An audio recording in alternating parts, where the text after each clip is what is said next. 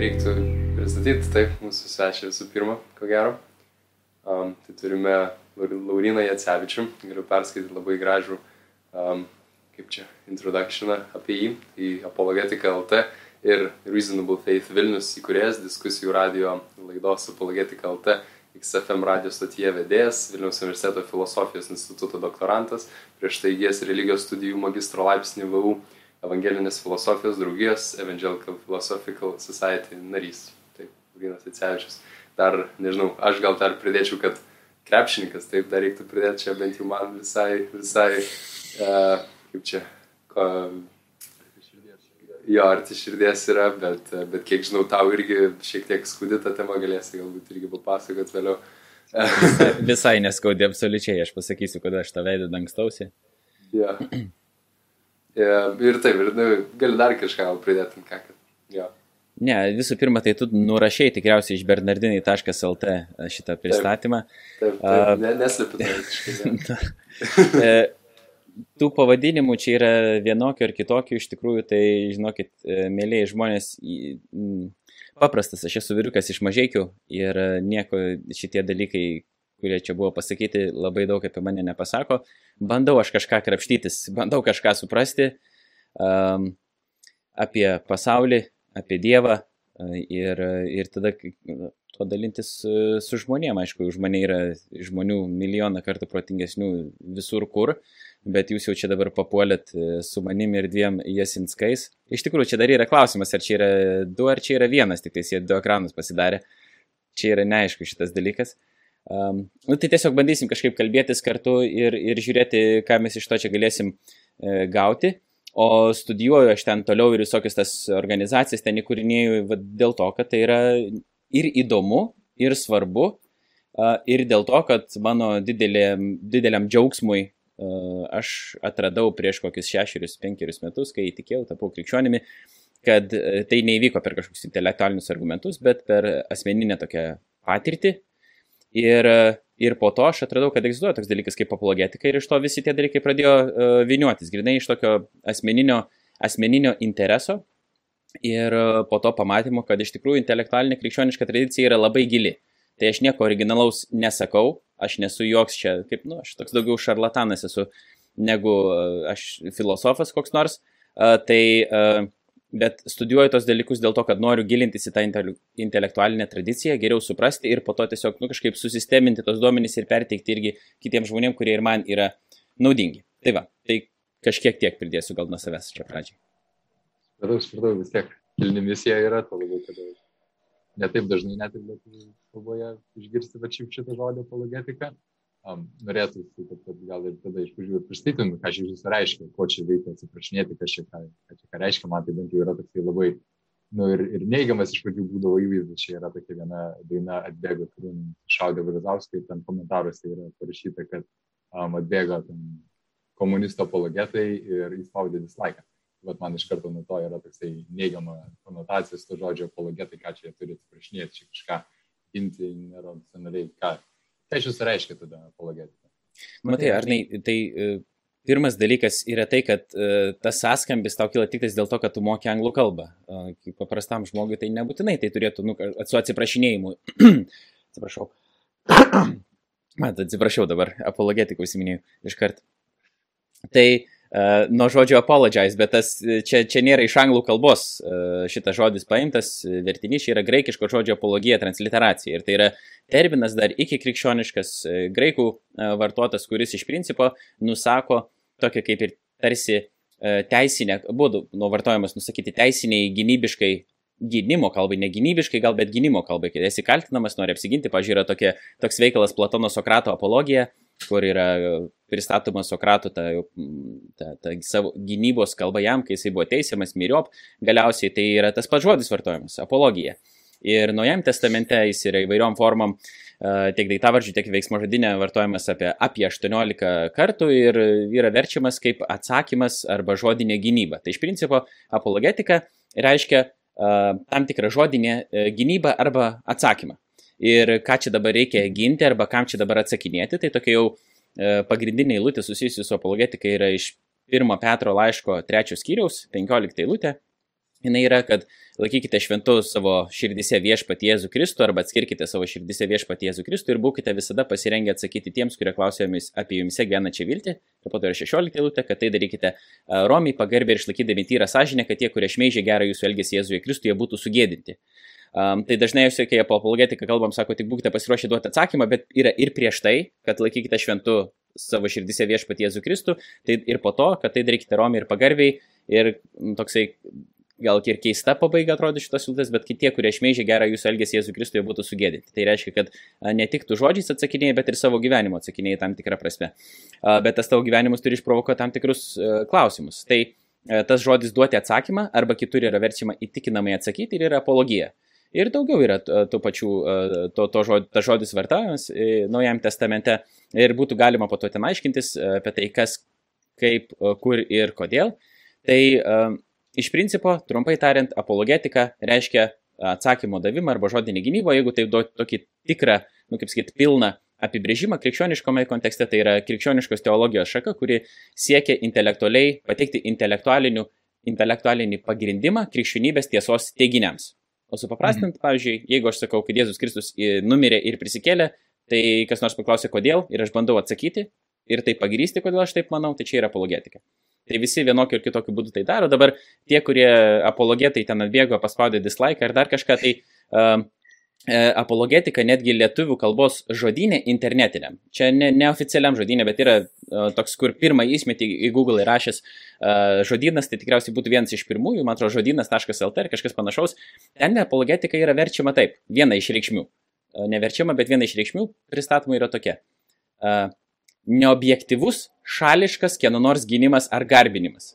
Nu, aš nežinau, iš kur yra paimtas e, šitas apibrėžimas, bet jisai toks e, yra ir ten yra atsiradęs. Ir gal apologetikai gavo tokią neigiamą konotaciją, kad nu, iš principo čia reikia e, tau nerūpi, kaip iš tikrųjų yra, tau nerūpi tiesa, tu tiesiog turi kažkokį įsitikinimą ir dėl to visom priemonėm tu bandai dabar jį uh, apginti. Ir dėl to yra vadinami tas, na, nu, aš nežinau, reikėtų žiūrėti istoriškai, kaip ta apologetikai gavo tą neigiamą konotaciją, bet net ir krikščionių ratose jinai dažnai yra vertinama kaip neigiamas dalykas. Aš jau dabar vakar uh, besiruoždamas dar šitam susitikimui pavarčiau knygą Classical Apologetics, Arsis Praulo ir dar poro kitų autorių, ten yra 20, 40 metų prieš jinai parašyta, 82. Ir e, tada pirmiausia yra pateikiama apologija apologetikai. Ir kad daug krikščionių jau prieš 40 metų, dabar situacija šiaip yra pasikeitusi, nu čia buvo daug įvairių istorinių tų virsmų, kaip ten ir kas, uh, scholastinių periodų viduramžiais tai tai buvo, nu, ypatingai, kaip sakyti, svarbus dalykai, tokie ir ankstyviai krikščionys to užsiminėjo, po to uh, buvo krikščionys kitokių prieigų visokių turėjo prie, prie to, kaip reikėtų pristatyti krikščionišką tikėjimą ir buvo toksai netgi iracionalizmo laikotarpis. Um, Kai, bet aš čia gal per, per giliai einu, bet įgavo tiesiog apologetiką tokia neigiamą konotaciją, kai tu iš, iš esmės bandai pagrysti tai, kas negali būti pagrysta arba neturi būti pagrysta, kad čia iš vis yra bergžės užsiemimas ir tiek. Bet kodėl taip mes darome? Tai yra viena priežastis, kaip ir sakė tos knygos autoriai, buvo parašyta dėl to, kad viešpats Jėzus tai sako. Jeigu tai sako jisai, mes tai darom, to mums užtenka. Bet yra ir daugiau priežasčių, bet čia yra pagrindinė priežastis dėl to, kad mums yra tiesiog įsakyta tai daryti. Jo, sakyčiau, visai nebloga priežastis tokia yra.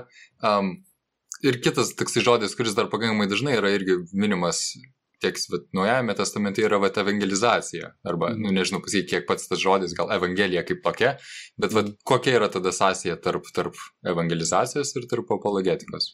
Nu, pirmiausia, evangelizacija, tai iš principo paprasčiausiai kalbant būtų uh, krikščioniško tikėjimo skelbimas, tų esminių krikščionybės tiesų. Ir kaip Paulius, e, jeigu mes norim pirmiausia suprasti, kas yra Evangelija, tai galim atsiminti pirmą laišką korintiečiam 15 skyrių, kur Paulius uh, cituoja tokią iki jo dar buvusią žodinę tradiciją. Um, ir jinai skamba taip, kad broliai, aš jums perduodu tai, ką esu gavęs. Ir čia jisai sako, aš dėstu jums Evangeliją dabar.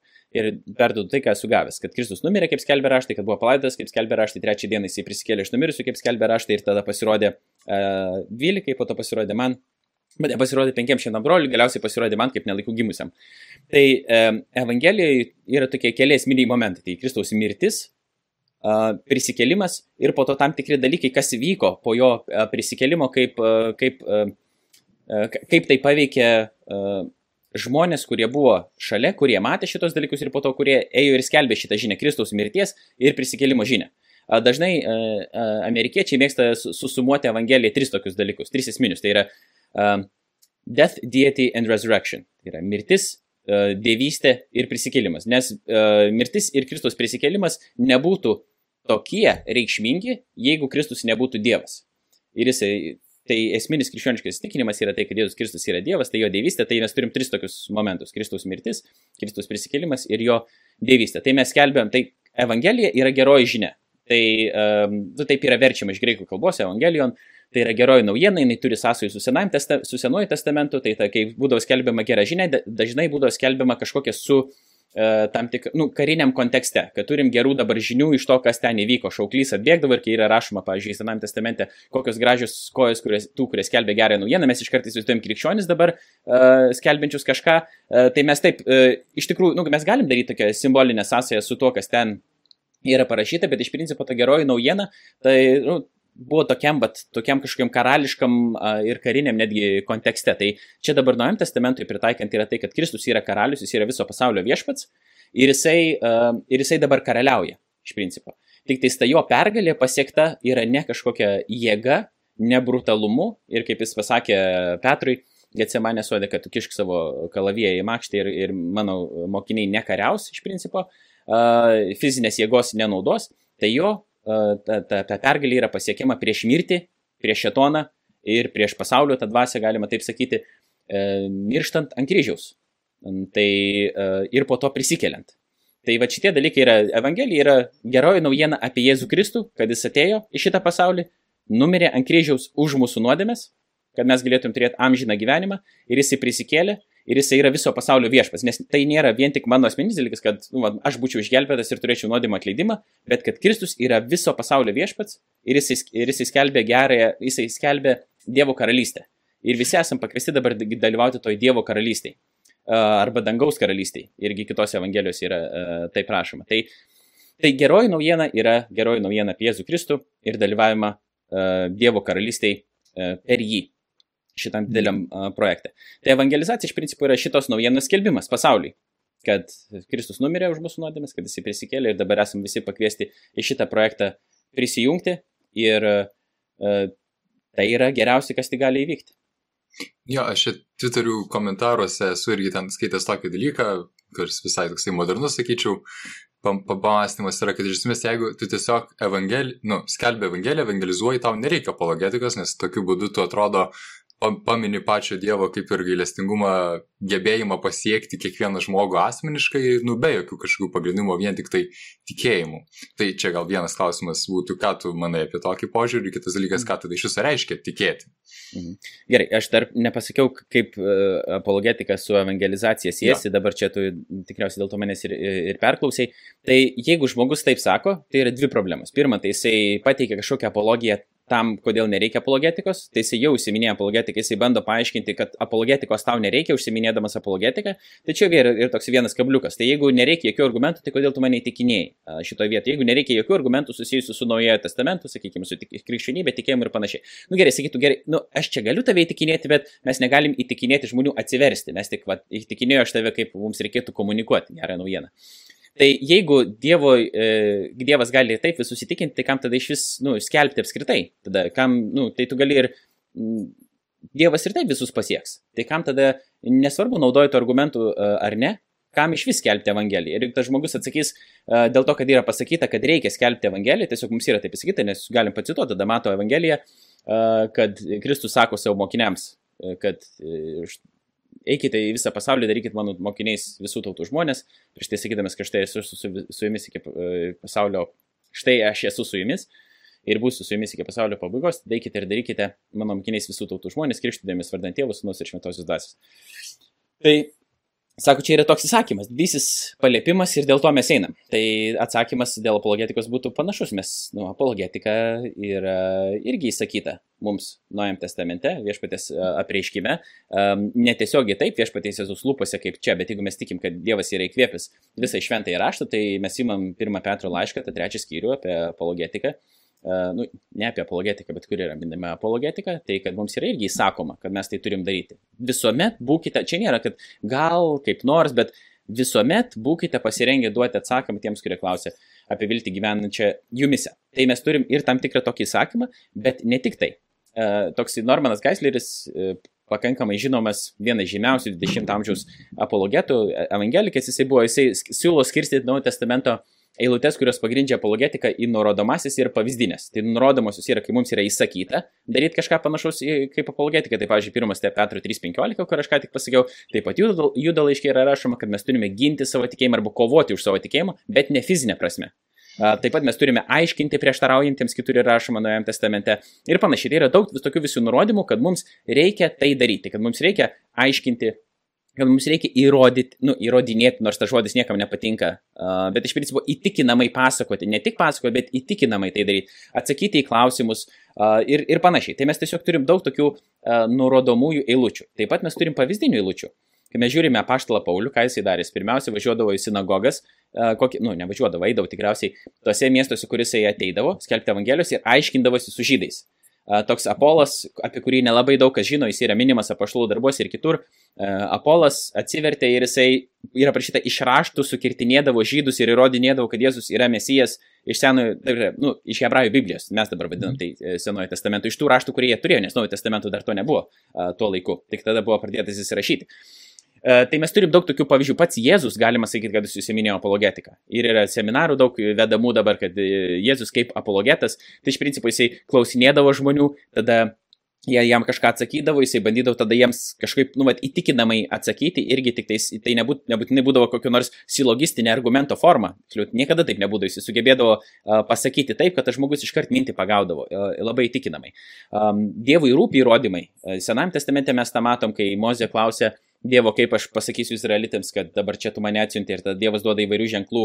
Tada abejojantis Tomas, vadinamas apaštalos Tomas, kai jisai sakė, aš nepatikėsiu, kol neįbesiu piršto Jėzų į žaizdas, e, tai Jėzus tada jam pasirodė, sako, o, nu, bandyk, Tomai, bandyk. Ir jis sakė, parkrito ant kelių ir sako, tu esi viešpats ir, ir Dievas.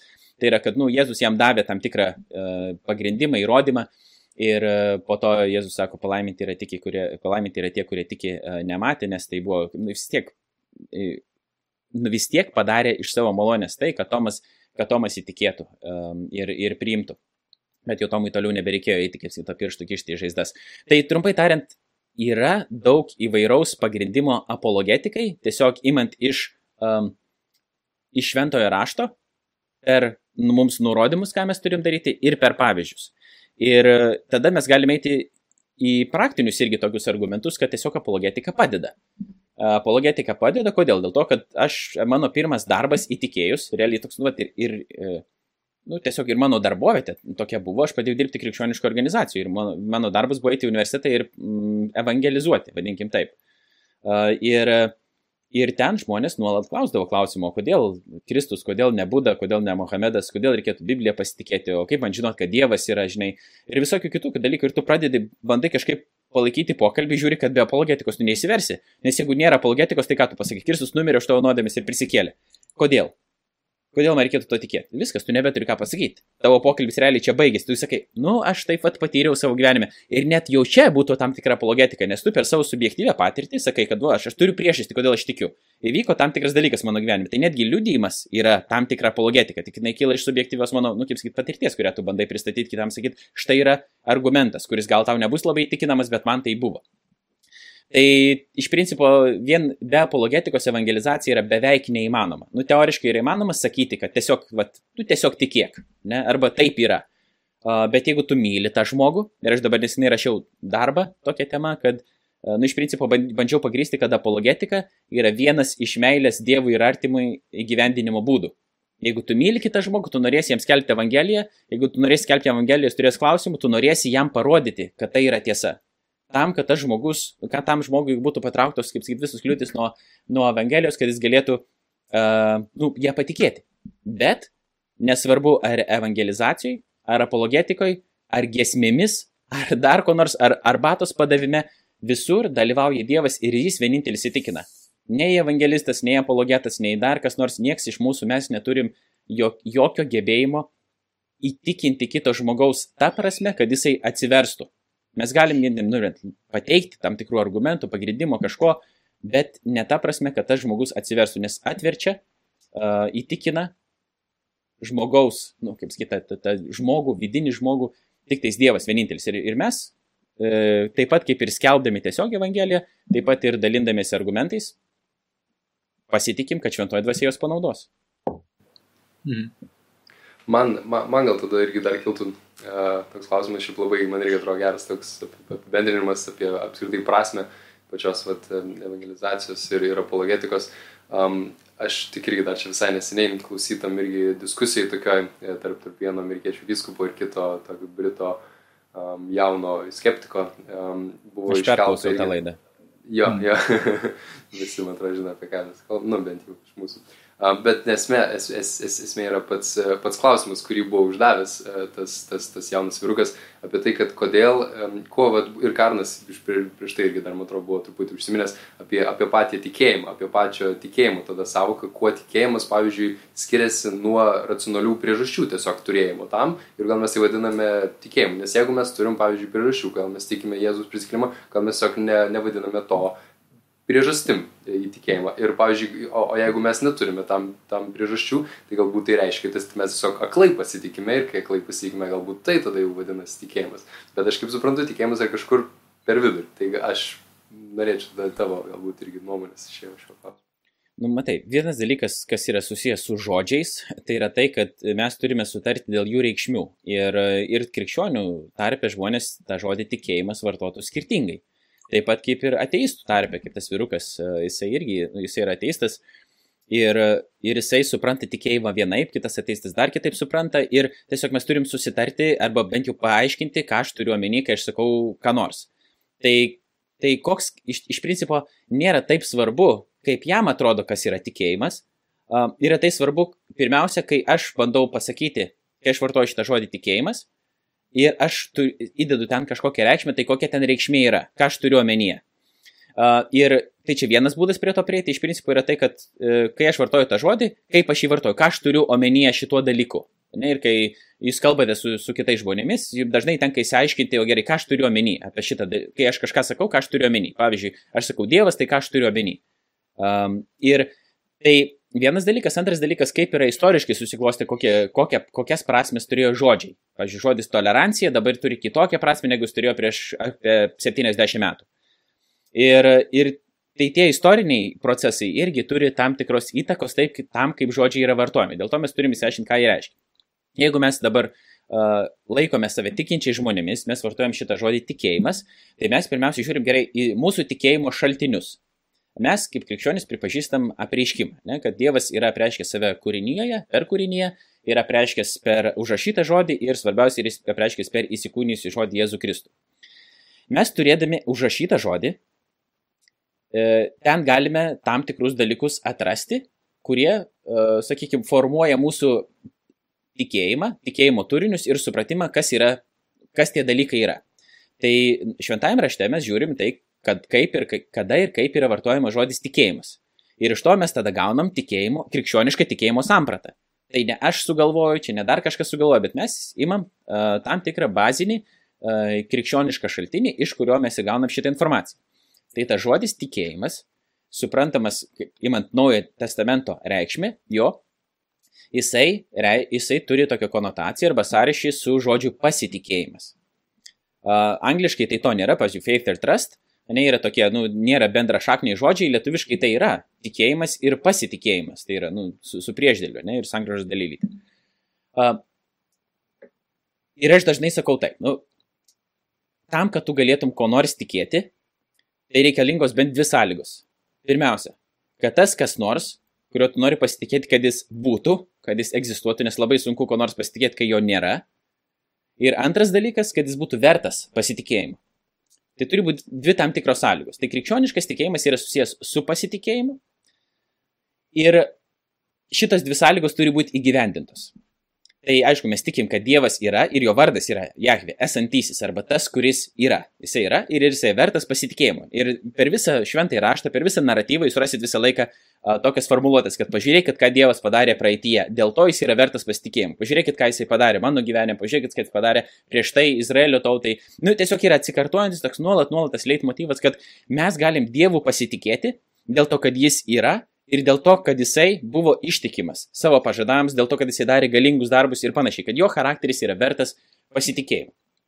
Tai krikščioniškas tikėjimas yra susijęs su pasitikėjimu tuo, kuris yra ir kuris yra vertas pasitikėjimą.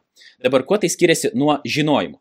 Tai čia mes galim į, įlysti tokias, nu, at, tiesiog žodžių žaidimus, kaip Wittgensteinas yra pasakęs, kai mes žaidžiam, dabar matom suprasti, kas ir koks, koks žodis ką reiškia. Ir, ir čia yra tokia netgi visam, visa šaka mokslo šitam dalykui paskirta. Epistemologija, jinai vadinasi, tai yra žinojimo mokslas. Kaip mes žinom, ką, ką žinom. Ir iš vis ką reiškia žinoti. Jūs dabar galėtumėt pasakyti, kad jūs žinot, kad čia vyksta susitikimas šitas, kurio aš net pavadinimo nežinau. Šoks katechezės susitikimas. Ne? Jūs galite sakyti, kad žinot, kad jisai vyksta, jūs galite sakyti, kad žinot, kad matot prieš save Lauriną Jacevičių, Hugą Jasinską ir Arną Jasinską. Iš kur jūs žinot, kad jūs mane matot? Gal jūs, nu, kodė, kuo tai skiriasi nuo tikėjimo, kad jūs mus matot ir kuo skiriasi žinojimas ir tikėjimas? Ar žinojimas ir tikėjimas tik skiriasi, pavyzdžiui, kad čia yra dabar tokios tam tikros, nu kaip skalė, ar ne? Ir jeigu aš perlipu va tiek, nu 8 procentų, tai čia yra tikėjimas, o jeigu turiu 100 procentų, tai čia yra žinojimas. Nu, reikalas yra toks, kad mes e, čia galime pradėti diskutuoti tada, nu, kaip tie dalykai veikia. Bet reikalas yra toks, kad mes beveik nieko 100 procentų nežinom. Ir e, René Descartes, užčiuopęs šitą dalyką, nusprendė radikaliai suabejoti viskuo. Jis gal sako, suabejosiu viskuo, kas yra įmanoma, suabejo, ko yra įmanoma suabejoti. Ir jis priejo prie tokio momento, kad jis negali abejoti tuo, kad abejoja. Kitaip žinoma ta frazė, kad mastau, vadinasi esu. Nu, reiškia, jeigu yra tas, tas o, kaip sakyti, subjektas, kuris abejoja, bent jau tas subjektas egzistuoja. Po to jis daug ten tiesų išvedė iš šito dalyko, bet iš principo sako, bent jau negaliu abejoti tuo, kad aš esu. Ne, tai čia šimtų procentų žinau, kad aš esu. Nežinau, ar kiti yra panašiai, nes žiūrint e, iš filosofinės perspektyvos, tai e, aš negaliu jums pagrysti kažkaip, kad aš iš tikrųjų esu. Jums. Ir jūs man. Nu kodėl? Dėl to, kad visą laiką yra galimybė teorinė, pavyzdžiui, kad mes gyvenam kažkokiame panašiame kaip matrica arba m, kaip solipsizmas sakytų, kad vat, e, tokia filosofinė surovė, kad e, viskas yra iš tikrųjų tik projekcija kažkieno atminties ir iš tikrųjų čia tos realybės nėra, tai yra tik minties projekcija viena. Pavyzdžiui, gal dabar jūs esate visi mano minčių projekcija ir jeigu aš nustosiu apie jumis galvoti, jūsų nebeliks. Um, tai teorinė galimybė, nu čia man atrodo, kai yra nesąmonė, sveikų protų galvojant, bet teorinė galimybė tokia yra. Tai žinojimas, netgi populiariai vartojamas šitas žodis žinojimas, jis nereiškia, rimtai, jeigu pažiūrė šitą žodį, jis nereiškia šimtaprocentinių žinojimų. Tai mes jeigu dabar atsakant į, į, į to vyruko e, kosminio skeptiko, kaip jis save e, vadina, aš dabar užmiršau jo, e, jo tikrą vardą ir pavardę. Alex O'Connor. Alexas O'Connoras. Tai jisai, kai bando pasakyti, kad, va, jeigu aš žinau, tai aš žinau, man tada tikėjimo nereikia. Tikėjimas yra pagrystas tam tik kažkuo. Tikėjimas yra pasitikėjimas tais dalykais, kuriais yra verta pasitikėti. Bet tu neturi absoliutaus kažkokio šimtaprocentinio, sakykime, um, žinojimo, dėl to tau reikia, aš net neturiu šimtaprocentinio žinojimo, aš rytoj atsikelsiu. Ar šiandien, kaip mano šiandien diena baigsis, ar ne? Tai aš realiai nuolat gyvenu tikėjimas, galim sakyti, kad aš žinau, kad aš rytoj atsikeliu, bet aš tikrųjų nežinau. Bet aš turiu tam tikrą pagrindą manyti, kad taip, tai yra tiesa, kad taip yra ir tai bus. Tai tikėjimas yra susijęs su pasitikėjimu, bet krikščioniškas dar tikėjimas yra susijęs ne su pasitikėjimu tam tikrais tiesiog teiginiais, bet su asmeniu. Tai yra tuo, kuris yra. Tai yra Dievu, esančiuoju. Ir konkrečiai, kaip jis buvo preikštas Jėzui Kristui, kuris sako, aš esu kelias tiesa ir gyvenimas. Tai tiesa mums, mums yra randama asmenyje, mes pasitikim tą tiesą. Ir kaip Jėzus sako, aš, jūs pažinsite tiesą ir tiesa padarysiu jūs laisvus, tai pažinsite jį. Tai tikėjimas yra susijęs labai tampriai su pasitikėjimu. Um, tai va, ir čia būtų galima toliau tikriausiai vystyti kažkokią labai didelę uh, diskusiją, tai, nu, paprastumo dėliai, jeigu aš tada galėčiau sakyti, aš žinau, kad Dievas yra, ne? Aš ne šimtų procentų žinau. Dėl to, kad šimtų procentų žinoti yra beveik nieko neįmanoma, jeigu tai mes griežtai žiūrėsime šitą dalyką. Ne? Bet mes visi vartojam tą patį žodį, kad mes žinom, nors mes iš tikrųjų tai nežinom. Galite sakyti daug dalykų, kad jūs žinote, bet uh, ir prie ko aš dabar einu? Kad mes, jeigu mes pradėsim va taip atknibinėti žodžius, tai mes nesusišnekėsim iš vis. Ta prasme, realiai ir buvo tokia kalbos filosofija um, vystoma ir tebėra, aišku, jinai ir po to įsivystė tokia kasdienės kalbos filosofija, kuri sakė kaip atsakas tokiai uh, labai tiksliai kalbai, idealiai kalbai, kuri buvo pasiūlyta tokia, kad reikia mūsų galvoti idealią kalbą, kad uh, vienas žodis turės tik vieną reikšmę ir nebus jokių dviprasmybių ir mes galėsim labai tiksliai kalbėti. Ir šitas projektas nepavyko ir paaiškėjo, kad ta kasdienė mūsų kalba, kaip jinai yra vartojama, jinai yra pakankama prieiti prie tam tikrų tiesos teiginių, kalbėti rimtai apie dalykus. Tai mes irgi sakom šitą žodį aš žinau arba aš tikiu, mes galim tas žodžiais normaliai operuoti ir aš tada pasakau kaip krikščionis, kad tas tikėjimas yra susijęs su žinojimu, bet žinojimas yra nėra jisai šimtaprocentinis dalykas ir mūsų tikėjimas yra susijęs su asmeniu. Tai čia yra gal vienas toksai, nu, e, iš esminių skirtumų, kad jis yra ne tik su tam tikrais teiginiais susijęs, bet su, su asmeniu. Jo, aš noriu gal tik tai vat, būtent šitą paskutinę dalį pridėti, kad čia kalbam apie tikėjimą, tai kalbam apie tai, kas yra vat, labai asmeniškai patiriamas dalykas, kad tai nėra tiesiog kažkokios frazės, nu, bet metamos, kurios galbūt yra teisingos, bet tai yra konkrečiai labai ir, ir, ir suvokiamas dalykas. Bet viskas Bernas, jeigu kalbam apie šitą, apie tą, tą pokalbį, tai jisai vat, visą laiką daro tokią analogiją, kad pavyzdžiui, jeigu aš pažįstu, nu, pavyzdžiui, Lauriną, aš kažkiek apie jį galiu sužinoti irgi ten, vat, iš skaitimų, iš Bernardinų jo ten aprašymo bajo, aš galiu ten pažiūrėti, pasigūlinti jo ten kažkiek daugiau. Tada, kada čia baigsis šitas karantinas, grįšiu į Lietuvą, tada galbūt sutiks su manim ten į kavinę nueiti dar pasikalbėsim, kažką, kažką dar daugiau apie jį sužinosiu. Um, galbūt dar su jo draugais arba ten, žinai, artimai žmonėmis pakalbėsiu, galbūt dar kažką galės man suteikti kažkokių papildomų žinių. Bet gali būti tiesiog toks momentas, kada vat, mūsų draugystė, kaip hipotetiniai šiuo atveju, um, jisai man pasakys kažką tokio, ko aš neturėsiu jokio būdo niekaip patikrinti, kaip tai yra, kaip tai, yra, kaip tai gali būti teisinga. Ir tuo metu aš tiesiog turėsiu padaryti sprendimą, arba aš jo pasitikėsiu, ką jisai sako, arba ne. Ir niekur va šitoje vietoje aš niekur netmečiau savo to va, racionalaus proto, aš niekur nepasiau, kad aš nu, palieku savo protą ir, ir, ir, ir viskas dabar tikiu aklai. Aš vis dar tai darau, bet net ir tada, kada aš neturiu jokio būdo 100 procentų, nu, arba 90 procentų, ar kažkiek net būdo patikrinti to, aš vis tiek pasitikiu tuo žmogumi. Ir tai nėra neracionalu, tai yra, taip sakant, supraracionalu, tai yra virš mano racionalaus, racionalaus gebėjimo, nu, jo gebėjimo, tai yra tiesiog mano tokia asmeninė žmogaus savybė. Tai ar, ar sutinki, kad čia gerai? Nu, tu maladėts esi, ar ne, tu gerai man priminė, nes iš čia vėliau, vėliau labai daug, bet iš tikrųjų taip, tikėjimas yra, kaip ir Beronas sakė tame pokalbį, kad tai yra atsakas į Dievo apreiškimą. Ne, tai yra asmeninis žmogaus atsakas į Dievo apreiškimą. Dievas, kaip minėjau, apreiškia mums, mums per kūrinį, per pasaulį, per savo užrašytą žodį ir per, e, ir per um, viešpatį Jėzų Kristų įsikūnijusi Dievo žodį. Ne? Bet kaip tu dabar ir pasakai, gerą labai momentą pastebėjai yra tai, kad e, mes ne kiekvieną dalyką galim patikrinti. Nu, mes labai tiksliau daug dalykų negalim patikrinti. Net aš galiu, jeigu jūs manęs paklaustumėte, ar žinau, kad mano žmona mane myli, aš sakyčiau, kad aš žinau. Bet iš kur aš žinau? Ar taip iš tikrųjų yra, ar tai yra šimta procentų ar ne? Nu, gal aš galiu sakyti, aš tikiu, kad jinai mane myli. Ne? Ir tada koks, nu, aš tiesiog ją pasitikiu, ką jinai sako, kaip jinai elgesi uh, ir, ir panašus įvairūs yra dalykai. Bet ar ne į tą, ką tu pasakėjai, kad gal kur tas vienas iš tų tokių skirtumų, galbūt žinojimo ir, ir, ir to tikėjimo yra tai, kad tai kartais tiesiog reikia, uh, turi remintis tam tikrais duomenimis, padaryti tam tikrą apsisprendimą. Pavyzdžiui, jūs pasakėt, kad įvyks toks susitikimas ir aš turiu prisijungti ten 15-20 tokiu metu. Ar aš žinau, kad jūs prisijungsit? Nu, aš nežinau, bet aš darau racionalę tokią prielaidą, kad tai bus, turint visus duomenis ir aš pasitikiu jumis, kad tas šitas dalykas įvyks. Tai čia ir yra, sakykim, tas tikėjimo, tikėjimo momentas ir žmonės tikėjimu vadovaujasi žymiai, žymiai daugiau, negu jie patys norėtų pripažinti ir, ir iš tikrųjų teigia arba netgi supranta. Bet kas tikėjimas tikrai nėra, tai tikėjimas nėra galvojimas, kad kažkaip yra, kai nėra jokių įrodymų, arba netgi priešinga įrodymų. Tikėjimas remiasi tam tikrais įrodymais ir racionalumas ten būtinai dalyvauja. Tik vis tiek, kad mes negalim absoliučiai visko patikrinti, dėl to mums reikia ir pasitikėjimo. Bet net kai mes sakom, kad mes sužinom ir uh, sakykime, mums nereikia pasitikėjimo, mes galim šitą dalyką patikrinti.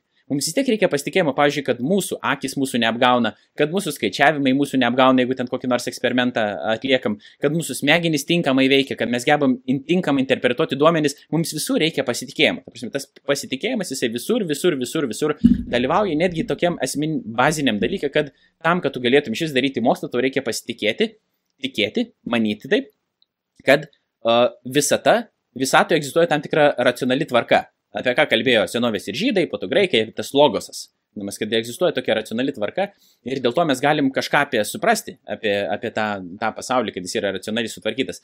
Nes jeigu jisai nėra, tai tada kam, kam tą mokslą iš, iš vis daryti? Ir kiti sakytų, ai, nu mes darom dėl to, kad visą laiką tai buvo. Dabar mes darom tokia, vat, nu, prielaida, kad jeigu mums pavyko, tai ir toliau tikriausiai pavyks. Nu jo, bet jūs nežinot. Nes, nu, ta prasme, žinojimo čia tokio irgi kaip ir nėra, bet yra daroma pagrįsta tokia prielaida, kad taip, nu, visi mūsų duomenys uh, kalba apie tai, kad taip uh, galėtų būti. Bet jeigu dar tu turi tokią uh, tą tokią sampratą, ne, kad e, vis dėlto visa tai yra suprantama, kaž, kažkiek galima kažko apie ją suprasti, tam tikrus dalykus apskaičiuoti, tai tau ir leidžia. Uh, tas pasitikėjimo momentas tau leidžia daryti daug įvairių dalykų. Jo, ir čia, nežinau, ir dabar ir iš pat pradžių reikia šitą paliesti vietą, bet, nu, pavyzdžiui, kada yra daroma prieš priešą, matysim, ar jie čia yra logiška ar ne, bet tarp tikėjimo ir mokslo tarp to, vat, kas yra patrandama, žinai, mokslinių metodų ir to, taip, kas yra tiesiog, vat, įrodoma. Reiškia, gal, gal, bet jo, jo, jeigu dar žodžių žaidimą padarytume, jo įrodome. Tai kaip, kiek yra realistiška vat, ta priešprieša tarp, tarp mokslo ir tarp, tarp tikėjimo? Nu, matai.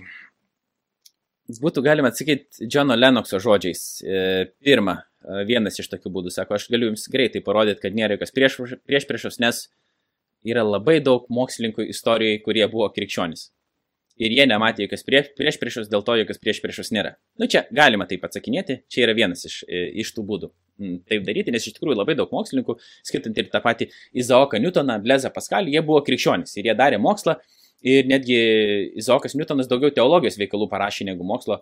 Um, tai, tai ta tokia, nu ta prieš priešai yra tokia paremta daugiau nežinau, mitais tam tikrai susijusiais su Galilėjo ten atveju ir, ir, ir dar kažkuo. Uh, liktai krikščionybė nemėgo, ne, ne, nemėgo, nekentė mokslo ir, ir panašiai, kas uh, akivaizdžiai yra netiesa, dėl to, kad uh, vakarų pasaulis ir vakarietiškas universitetas galima pagrįstai teikti, tai yra didelė dalimi krikščioniškas produktas. Vilniaus universitetas, kuriame aš studijuoju, įsteigtas yra jezuitų um, ir ir daug universitetų buvo, tokios, nu kaip pats tas universiteto tokia idėja, jinai labai tampriai yra susijusi su krikščionišku mąstymu. Ir aš jau šiek tiek apie tai užsiminiau, vienas iš dalykų tam, kad tu galėtum daryti mokslą, reikia manyti, kad visa tai yra racionali. Ir, ir tas, kad Dievas yra ir jis yra, racion, jis yra protas, jis yra intelektas, jis sukūrė visą racionaliai, dėl to mes galim, dėl to visata, dalykai tie, kurie egzistuoja, jie yra tam tikrą prasme pažinus. Antras dalykas yra tai, kad mes esam tokios būtybės, kurios geba kažkiek tuos dalykus pažinti. Kodėl? Dėl to, kad mes esam sukurti pagal Dievo atvaizdą. Šuo mokslo neužsiminės. Jisai nors ir visata yra uh, racionalia tvarka, uh, tokia surėdyta, šuo mokslo negali užsiminėti. Dėl to, kad jis neturi tų tiesiog gebėjimų racionalių, jis, ne, jis neturi tokio intelektualumo. Jis yra kitokios, kaip kitokios rūšies būtybė. Mes nesam tiesiog protingesni gyvūnai kaip žmonės. Ne? Mes, ir tai nėra rušizmas kažkoks, tai reiškia, kad žmonės turi tam tikrą ir prievolę rūpintis kūrinyje, kaip yra parašyta pradžios knygai, bet kad kiekvienas žmogus yra sukurtas pagal Dievo atvaizdą. Ir dėl to jis yra kokybiškai kitoks. Ir, ir vienas iš tų aspektų, tradiciškai suprantų ir suprantamų, ką reiškia būti sukurtam pagal Dievo atvaizdą, nors jų yra ir daugiau, ir kitokių būdų prieiti prie šito klausimo, yra tai, kad žmogus yra taip pat ir racionalus. Tai krikščionybė davė, suteikė tokias prielaidas arba judėjo krikščionišką pasaulyje žiūrę, galima sakyti, tam, kad būtų galima daryti mokslą. Ir, ir dar dabar iš kur kyla ta tokia priešprieša, uh, tai yra, aš, kiek aš suprantu, nors čia reikėtų kokio mokslo istoriko uh, ir ne manęs, kuris galėtų gal istoriškai pažiūrėti šitą klausimą, kada kokie įvykiai vyko, kodėl žmonės skirtingai tai pradėjo mąstyti ir panašiai, yra tai, kad, uh, va, mes turime mokslinį metodą ir moksliniu metodu mes galim suprasti dalykus, ištirti, tai reiškia, eksper, kelti hipotezę, eksperimentuoti, tada tikrinti, ta hipotezė mūsų yra teisinga, klaidinga, jeigu nėra klaidinga, mes uh, tobulinam, kartuojam tos eksperimentus, um, po to, kai turim tam tikras išvadas, suformuoluojam teoriją, tada tikrinam tą teoriją iš naujo, po to ją performuluojam ir tiesiog, nu, va, taip mokslas atvystosi ir, ir panašiai. Ir neva, uh, moksle nėra jokio e, tokio, nu, subjektivumo arba iš ankstinių nuostatų. Mes esame atviri viskam. O vat religingi žmonės, vat imkim krikščionys, jie turi savo knygutę, ne? Ir jeigu ten yra parašyta, kad Dievas sukūrė e, pasaulį per šešias dienas, tai vat reiškia, jie galvoja, kad pasaulis per šešias dienas 24 valandų yra sukurtos ir mokslas jiems yra, ta prasme, nesvarbu iš vis. Ir dėl to jie stabdo pažangą. Nu, čia yra milijonas problemų e, šito, šitose vietose dėl to, kad mokslinis metodas, kad ir koks jis būtų geras dalykas, jis negali prieiti prie visos tiesos. Nes mokslinis metodas, angliškai tariant, by definition, pagal jo patį apibrėžimą, jis tvarkosi tik tais su materialiais dalykais. Jis negali prieiti prie tiesų, kurios yra ne, susijusios su nematerialiais dalykais. Pavyzdžiui, kaip meilė, tiesa, grožis, um, moralė ir panašus dalykai, kurie egzistuoja. Ir kurie, mano supratimu, yra tokie patys tikri, netgi dar tikresni negu tie materialūs dalykai, bet mokslinis metodas nieko apie juos negali pasakyti.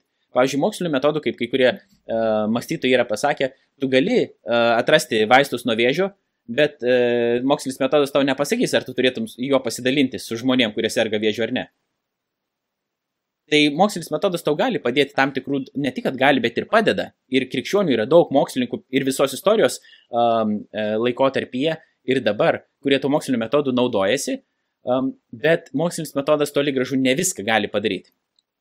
Ir čia vienas dalykas. Bet kodėl tie žmonės sako, kad yra tam tikra fundamentali priešpriešė yra gal tokia, kuri kyla iš uh, pasaulyje žiūros, kuri gali būti įvardinta naturalizmu. Tai reiškia, kad arba materializmu, kad egzistuoja tik tais materialūs dalykai. Ir jeigu egzistuoja tik materialūs dalykai, tai tik mokslinio metodo prie jų ir te gali prieiti. Ir visokios tavo religijos, ten netgi filosofija, kai Hawkingas plakė filosofiją, tai prasme, tai yra nu, nereikalingi dalykai. Iš principo, mokslinis metodas ir viskas.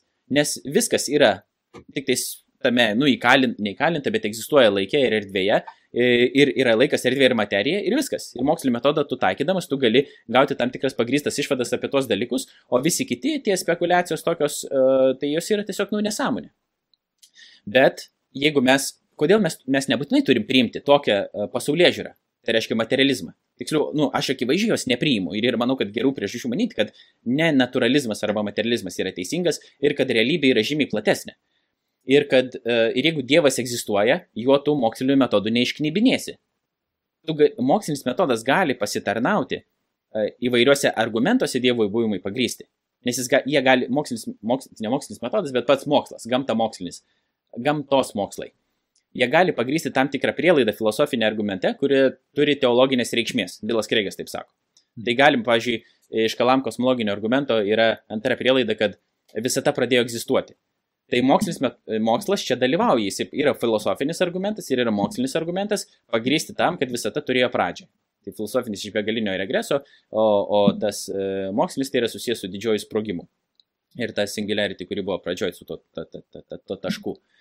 Um, tai čia aš daug jau tikriausiai nu, išsiplečiau, bet trumpai atsakant ir apibendrinant, e, būtų taip, kad prieš priešos tarp mokslo ir tikėjimo nėra kaip tokios, reikia turėti omenyje, kokios yra jų sferos, ką daro tikėjimas ir ką daro mokslas, arba ką daro religija ir ką daro mokslas, arba, ir tada, kur jie susiliečia. Nes mokslas gali kažką pasakyti, pavyzdžiui, apie Jėzus prisikėlimą, arba ten turino drobulė, kas ten per dalykai tokie yra, ne, mes, ir po to mes turim daryti tam tikras išvadas, ar jinai tikra, netikra yra, po to E, istorijos mokslas mums duoda prieigą prie tų įvykių, kurie vyko istorijoje, net kurie yra susiję, nes krikščionybė yra istorinis tikėjimas. Įvykiai, kurie vyko istorijoje. Tam tikri dalykai, kurie mums yra svarbus. Tai mokslas turi ką pasakyti apie tuos, apie tuos dalykus. Ne? bet paties Dievo, kadangi jis nėra materialus kažkoks objektas visatoje, nu, tu jo neišnagrinėsi mokslinių metodų, tam reikia kitų kažkokių būdų prieiti prie, prie viso šito, bet mokslas niekam, niekaip tam neprieštarauja, tik reikia suprasti kiekvieno to dalyko lauką, kur jie susijungia ir kaip viskas, ir kaip viskas stovi. Ir čia paskutinis jau momentas yra tai, kad e, tradiciškai teologija buvo laikoma mokslų karalienė, o filosofija buvo kaip tokia, nu, pagalbininkė teologijai. Dabar, aišku, viskas yra E, ne tik, atvirkščiai, bet ir ta filosofija netgi pradedama niekinti, teologija iš vis yra išstumta kaip nemokslas, nesąmonė, nes tai nėra gamtos mokslas, bet tai yra grinai dėl to tokio, nu, kas prasidėjo po uh, su to apšvietos epocha ir panašiai, ir mes toliau nugyvenam tose bang, bangose atsikartojančiose to, to, kas įvyko, kad nu, tiesiog buvo atstumti šitie dalykai, priimta daugiau tokia naturalistinė pasaulė žiūrė, kad ir iš, iš to išplaukė, kad mokslinio metodu, vienintelis mokslinis metodas mums gali kažką pasakyti apie, apie, apie realybę. Jo, tai pagalvojom apie tą mokslinį metodą. Labai dėkui iš, išsame tikrai e, atpasakojimą. Tai tada, kaip ir minėjai, mokslinis metodas yra, gali būti dalis va, būtent tų argumentų įrodymų. Norisi gal tada paminėti tą filosofinį dedukcinį metodą. Apie kuris, kuris realiai tada remiasi vat, Dievo egzistavimo įrodymu ir kodėlgi iškart ne, ne, neįtraukus e, iš karto jau tavo minėto kalam argumento, jeigu galėtum tuomet. Gerai, tada vyrukai, aš pabandysiu uh, dabar pasidalinti savo ekranu ir greitai perbėgti to, ko jūs manęs patys prašėt. Čia ne aš sugalvojau, bet... Jo, jo. Uh, tai uh, būtent mes dabar, aš papasakosiu šiek tiek, kad um, Papasakok. dabar parodysi, jo, jo, yra toksai, vat, jau, kurį minėjo William Lane Craig, Billas Craigas, um, irgi jis liktais baptistų yra šitas filosofas ir, ir turi labai žinomas kaip debatų meistras ir jisai turi tokį, galima sakyti, penkių punktų planą, be abejo, jisai labai žymiai daugiau yra išnagrinėjęs argumentų Dievo įrodymui, tačiau va jo tiesiog va tokie keli būdai pagrysti Dievo buvimui, priežastis tikėti ir, ir bet pažiūrėkime, ką jas reiškia, kiekvienam iš mūsų, ką jas gali turėti. Tik dar vienas labai trumpai dalykas, kurį noriu tokį lingvistinį net šiokį tokį padaryti pastebėjimą, yra toks žodis compel angliškai, kuris reiškia taip jisai gali daug dalykų reikšti, bet jeigu kalbame apie informaciją, pavyzdžiui, tai čia yra konkrečiai reiškia, kad jisai gali kažką priversti veikti, jisai daryti arba jo daryti. Tai jeigu mes kalbame apie informaciją, tai gali būti arba compelling ta informacija, arba necompelling informacija. Necompelling informacijos pavyzdys būtų, tarkime, kad gyvena Australijoje kengūros. Tai galų gale arba, na, nu, tai yra teisinga arba nėra teisinga, bet ar mums tai galų gale svarbu, paprastiems europiečiams, nu, turbūt nelabai. Tiesiog, kitaip tariant, vienodai mums taip pat yra. Iš kitos pusės, jeigu kas nors žmogus tau pasakytų, kad tavo artimas žmogus serga, tai tau nebūtų tas pats, tau nebūtų vienodai. Ir tai ar čia yra tiesa ar netiesa, kas tau buvo ką tik pasakyta. Ir net jeigu šitą informaciją nėra teisinga, ji vis tiek verčia mus nu, va, veikti kažkaip skirtingai, priešintis arba, arba bandyti ieškoti, kur yra ta tiesa. Tai vad, um, kodėl aš visą šitą tai sakau? Aš norėsiu, kad kiekvienas vat, iš jūsų pažiūrėtumėte, ką reiškia vat, šitie argumentai, jeigu jie yra tiesa, arba ką jie reiškia, jeigu jie nėra tiesa. Ir ne tik tai tokiame bendrame abstrakčiame vaizdinyje, vat, apie visatą galvojant ir panašiai, bet vat, konkrečiai ir asmeniui pačiam, ką tai galėtų reikšti, kokią turėtų implikaciją. Tai po to jo, pažiūrėsim, kaip čia yra. Prašau, padėk. Gerai, tai tiesiog aš greitai perbėgsiu penkis argumentus, kuriuos dažnai E, pasitelkė William Lane Craig, krikščionių filosofas ir teologas, įvairiose savo debatuose, jis, aišku, tų argumentų naudoja žymiai daugiau, jie man yra pakankamai tikinantis.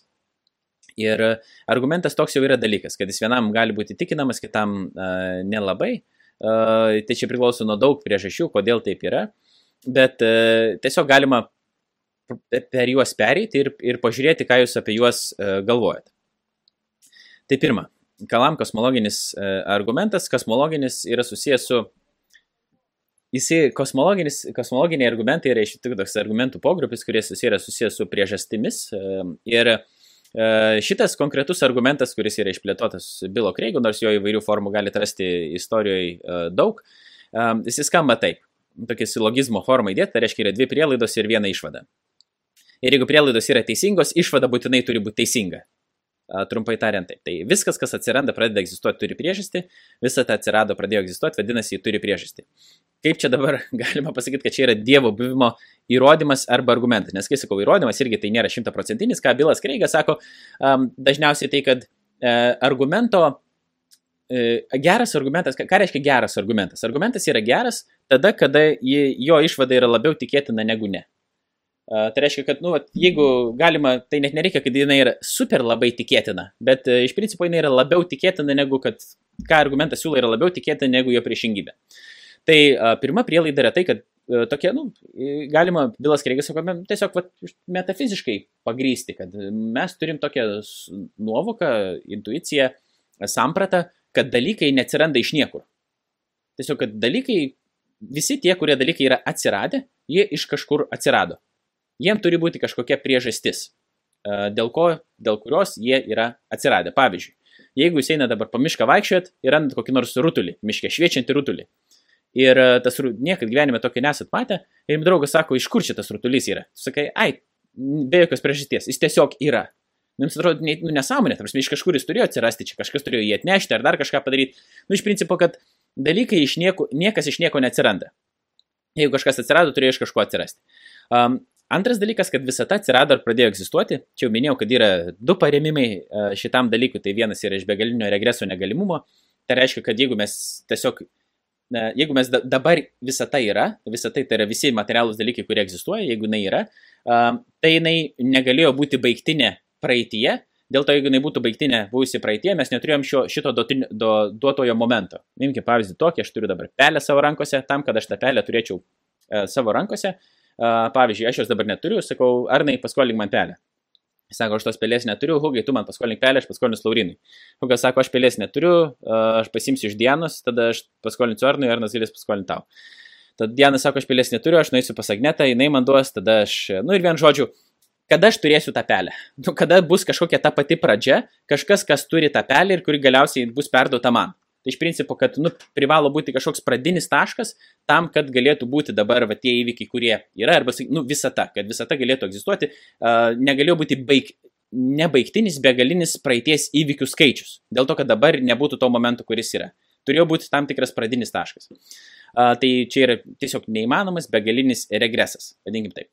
Uh, antras uh, argumentas yra susijęs su didžiuoju sprogimu. Uh, yra tai, kad e, buvo iki 20 amžiaus vidurio e, neretai įmanoma, nu, pakankamai plačiai įmanoma, e, ko ne visuotinai, kad visata buvo amžina, bet vienas iš, nu, tada buvo suformuota ta didžiojo sprogimo teorija, vienas iš jos formuluotojų buvo beje kunigas, tai dar irgi parodė, sako, jeigu didysis sprogimas nuneigia Uh, sako, krikščionybė kiti arba krikščionišką požiūrį, nu tai surprizas yra tas, kad vienas iš pagrindinių formuluotojų šitos teorijos buvo uh, katalikų kunigas, jeigu aš neklystu, tai buvo Žoržas Lemetras, belgas.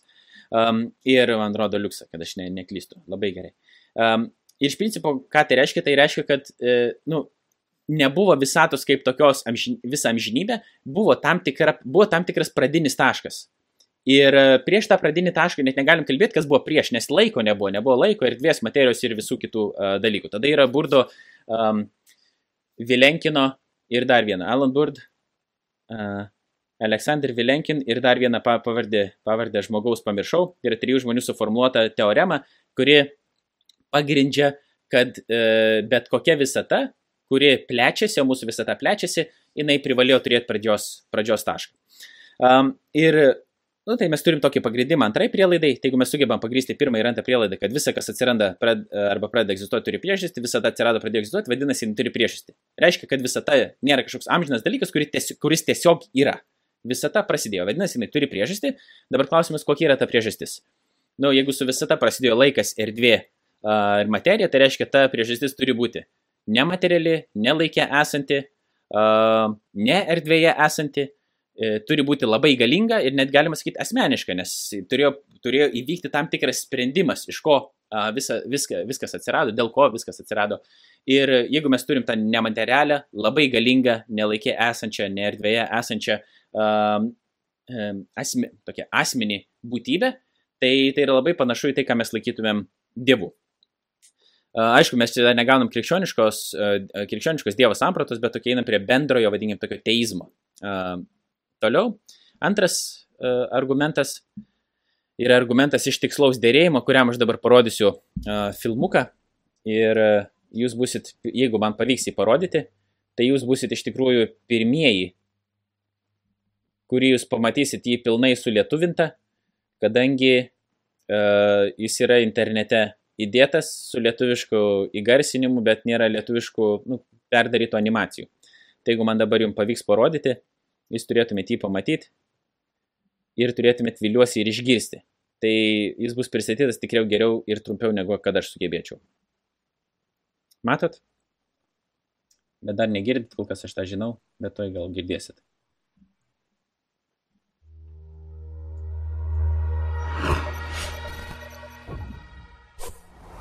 Nuo galaktikų ir žvaigždžių iki atomų ir subatominių dalelių Pati visatos struktūra yra apspręsta šių skaičių. Tai pagrindinės visatos konstantos ir skaičiai. Mokslininkai priejo šokiruojančio atradimo, kad kiekvienas iš šių skaičių buvo nustatyti stebėtinai tiksliomis reikšmėmis, kurios telpa ypač siaurame gyvybė atsirasti leidžiančiame diapazone. Jei kuris nors iš šių skaičių būtų pakeistas nors per plauką, jokios fizinės sąveikaujančios bet kokios rūšies gyvybės niekur negalėtų egzistuoti. Nebūtų žvaigždžių, nebūtų gyvybės, nebūtų planetų, nebūtų cheminių elementų. Imkime pavyzdžiui gravitaciją. Gravitacijos jėga yra apspręsta gravitacinės konstantos. Jei ši konstanta pasikeistų bent vieną iš 1060 laipsnių dalių, nei vienas iš mūsų neegzistuotų. Kad suprastume, koks ypatingai siauras yra šis gyvybę leidžiantis diapazonas, įsivaizduokime ciferblatą padalintą į 1060 laipsnių padalų. Kad suprastume, kiek siaurų padalėlių yra ant ciferblato, palyginkime jų skaičių su lastelių skaičiumi kūne, arba kiek sekundžių praėjo nuo tol, kol prasidėjo laikas. Jei gravitacinė konstanta būtų pakeista bent per vieną iš šių be galo mažų padalų, mūsų visata arba plėstųsi taip greitai, kad jokios žvaigždės negalėtų susiformuoti ir gyvybė negalėtų egzistuoti, arba ji kolapsuotų atgal į save su tuo pačiu rezultatu - nebūtų žvaigždžių, nebūtų planetų ir nebūtų gyvybės. Arba imkime visatos plėtimosi greitį. Jie apsprendžia kosmologinę konstantą. Jos reikšmės pakeitimas 1,120 laipsnių dalių lemtų, jog visata plėstųsi per greitai arba per lietai. Bet kuriuo atveju visata ir vėl taptų neleidžiančia atsirasti gyvybei. Arba kitas tikslaus suderintumo pavyzdys. Jeigu prieš 13,7 milijardo metų ankstyvosios visatos masė ir energija nebūtų tolygiai padalintos nesuvokiamo vienos dalies iš 10-123 laipsnių tikslumu, visata būtų priešiška bet kokios rūšės gyvybei. Faktas yra tai, kad mūsų visata leidžia egzistuoti fiziniai sąveikaujančių gyvybei vien tik todėl, kad kiekvienas iš jų ir daug kitų skaičių yra nepriklausomai ir meistriškai nuostabiai subalansuoti ant skustuvo ašmenų.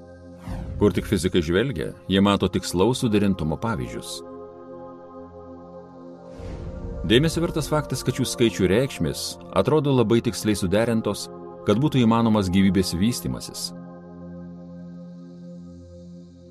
Jei kas nors tvirtina, kad jo nestebina ypatingi visatos bruožai, jis slepia savo galvą smėlyje.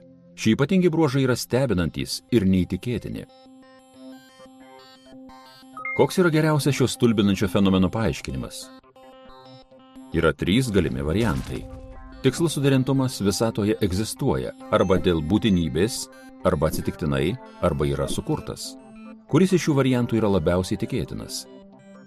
Pagal būtinybės alternatyvą visata privalo būti palanki gyvybei, taigi tikslios šių skaičių konstantų reikšmės negalėtų būti kitokios. Tačiau ar tai tikėtina? Ar gyvybė priešiška visata yra neįmanoma? Toli gražu nuo to. Ji ne tik įmanoma ir daug labiau tikėtina negu gyvybei leidžianti atsirasti visata.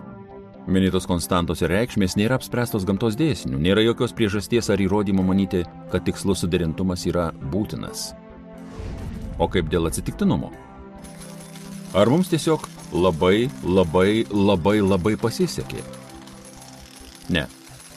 Tikimybė yra tokia juokingai maža, kad tikslus suderintumas gerokai viršė tai, kas galėtų būti pasiekta atsitiktinai. Tas stengdamėsi šį variantą pateisinti, kai kurie peržengė empirinio mokslo ribas ir pasirinko labiau hipotetinį požiūrį, žinoma kaip multivisata. Jie įsivaizduoja visatų generatorių, kuris išleidžia tokį milžinišką skaičių visatų, kad galiausiai išeis gyvybė atsirasti leidžiančios visatos. Tačiau nėra šios multivisatos egzistavimo mokslinio įrodymo. Ji negali būti nei aptikta, nei stebima, nei pamatuota, nei įrodyta. O ir pačiam visatų generatoriui reikėtų labai daug tikslaus suderintumo. Be to, maži tvarkos fragmentai yra daug labiau tikėtini negu dideli. Todėl labiausiai tikėtina stebima visata būtų maža, kurioje gyventų vienas paprastas stebėtojas. Tačiau tai, ką iš tiesų stebime, yra būtent tai, ko turėtume mažiausiai tikėtis - milžiniška, įspūdingai sudėtinga aukšto tvarkos lygio visata, kurioje gyvena milijardai kitų stebėtojų. Taigi, net jeigu multivisata egzistuotų, kas yra ginčiamas klausimas, ji niekaip nepaaiškintų tikslaus suderintumo. Nesant tikėtinumo, kad visata tiksliai suderinta gyvybei dėl fizinės būtinybės ar atsitiktinai, geriausias paaiškinimas gali būti, kad ji tokia buvo sukurta.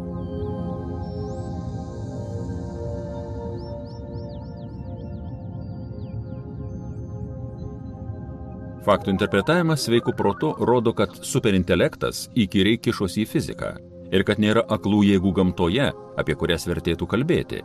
Skaičiai apskaičiuojami iš faktų. Man atrodo tokie triuškinantys, kad skatina prieiti šios išvados beveik be klausimų. Yra man galingas įrodymas, kad kažkas už viso to vyksta. Man atrodo, kad tarsi kažkas būtų tiksliai suderinęs gamtos skaičius, kad padarytų visatą. Sukūrimų įspūdis yra didžiulis. Dangus apsakinėja Dievo garbę, dangaus kliautas skelbia jo rankų darbą. Diena po dienos jie tai pasakoja ir naktis po nakties jie atskleidžia žinojimą. Karalius Dovydas 19 psalmi.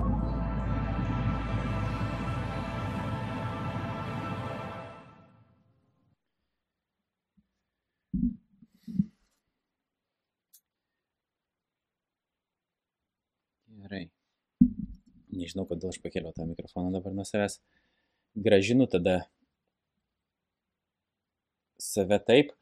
Um, tikriausiai girdėjot visi, ne?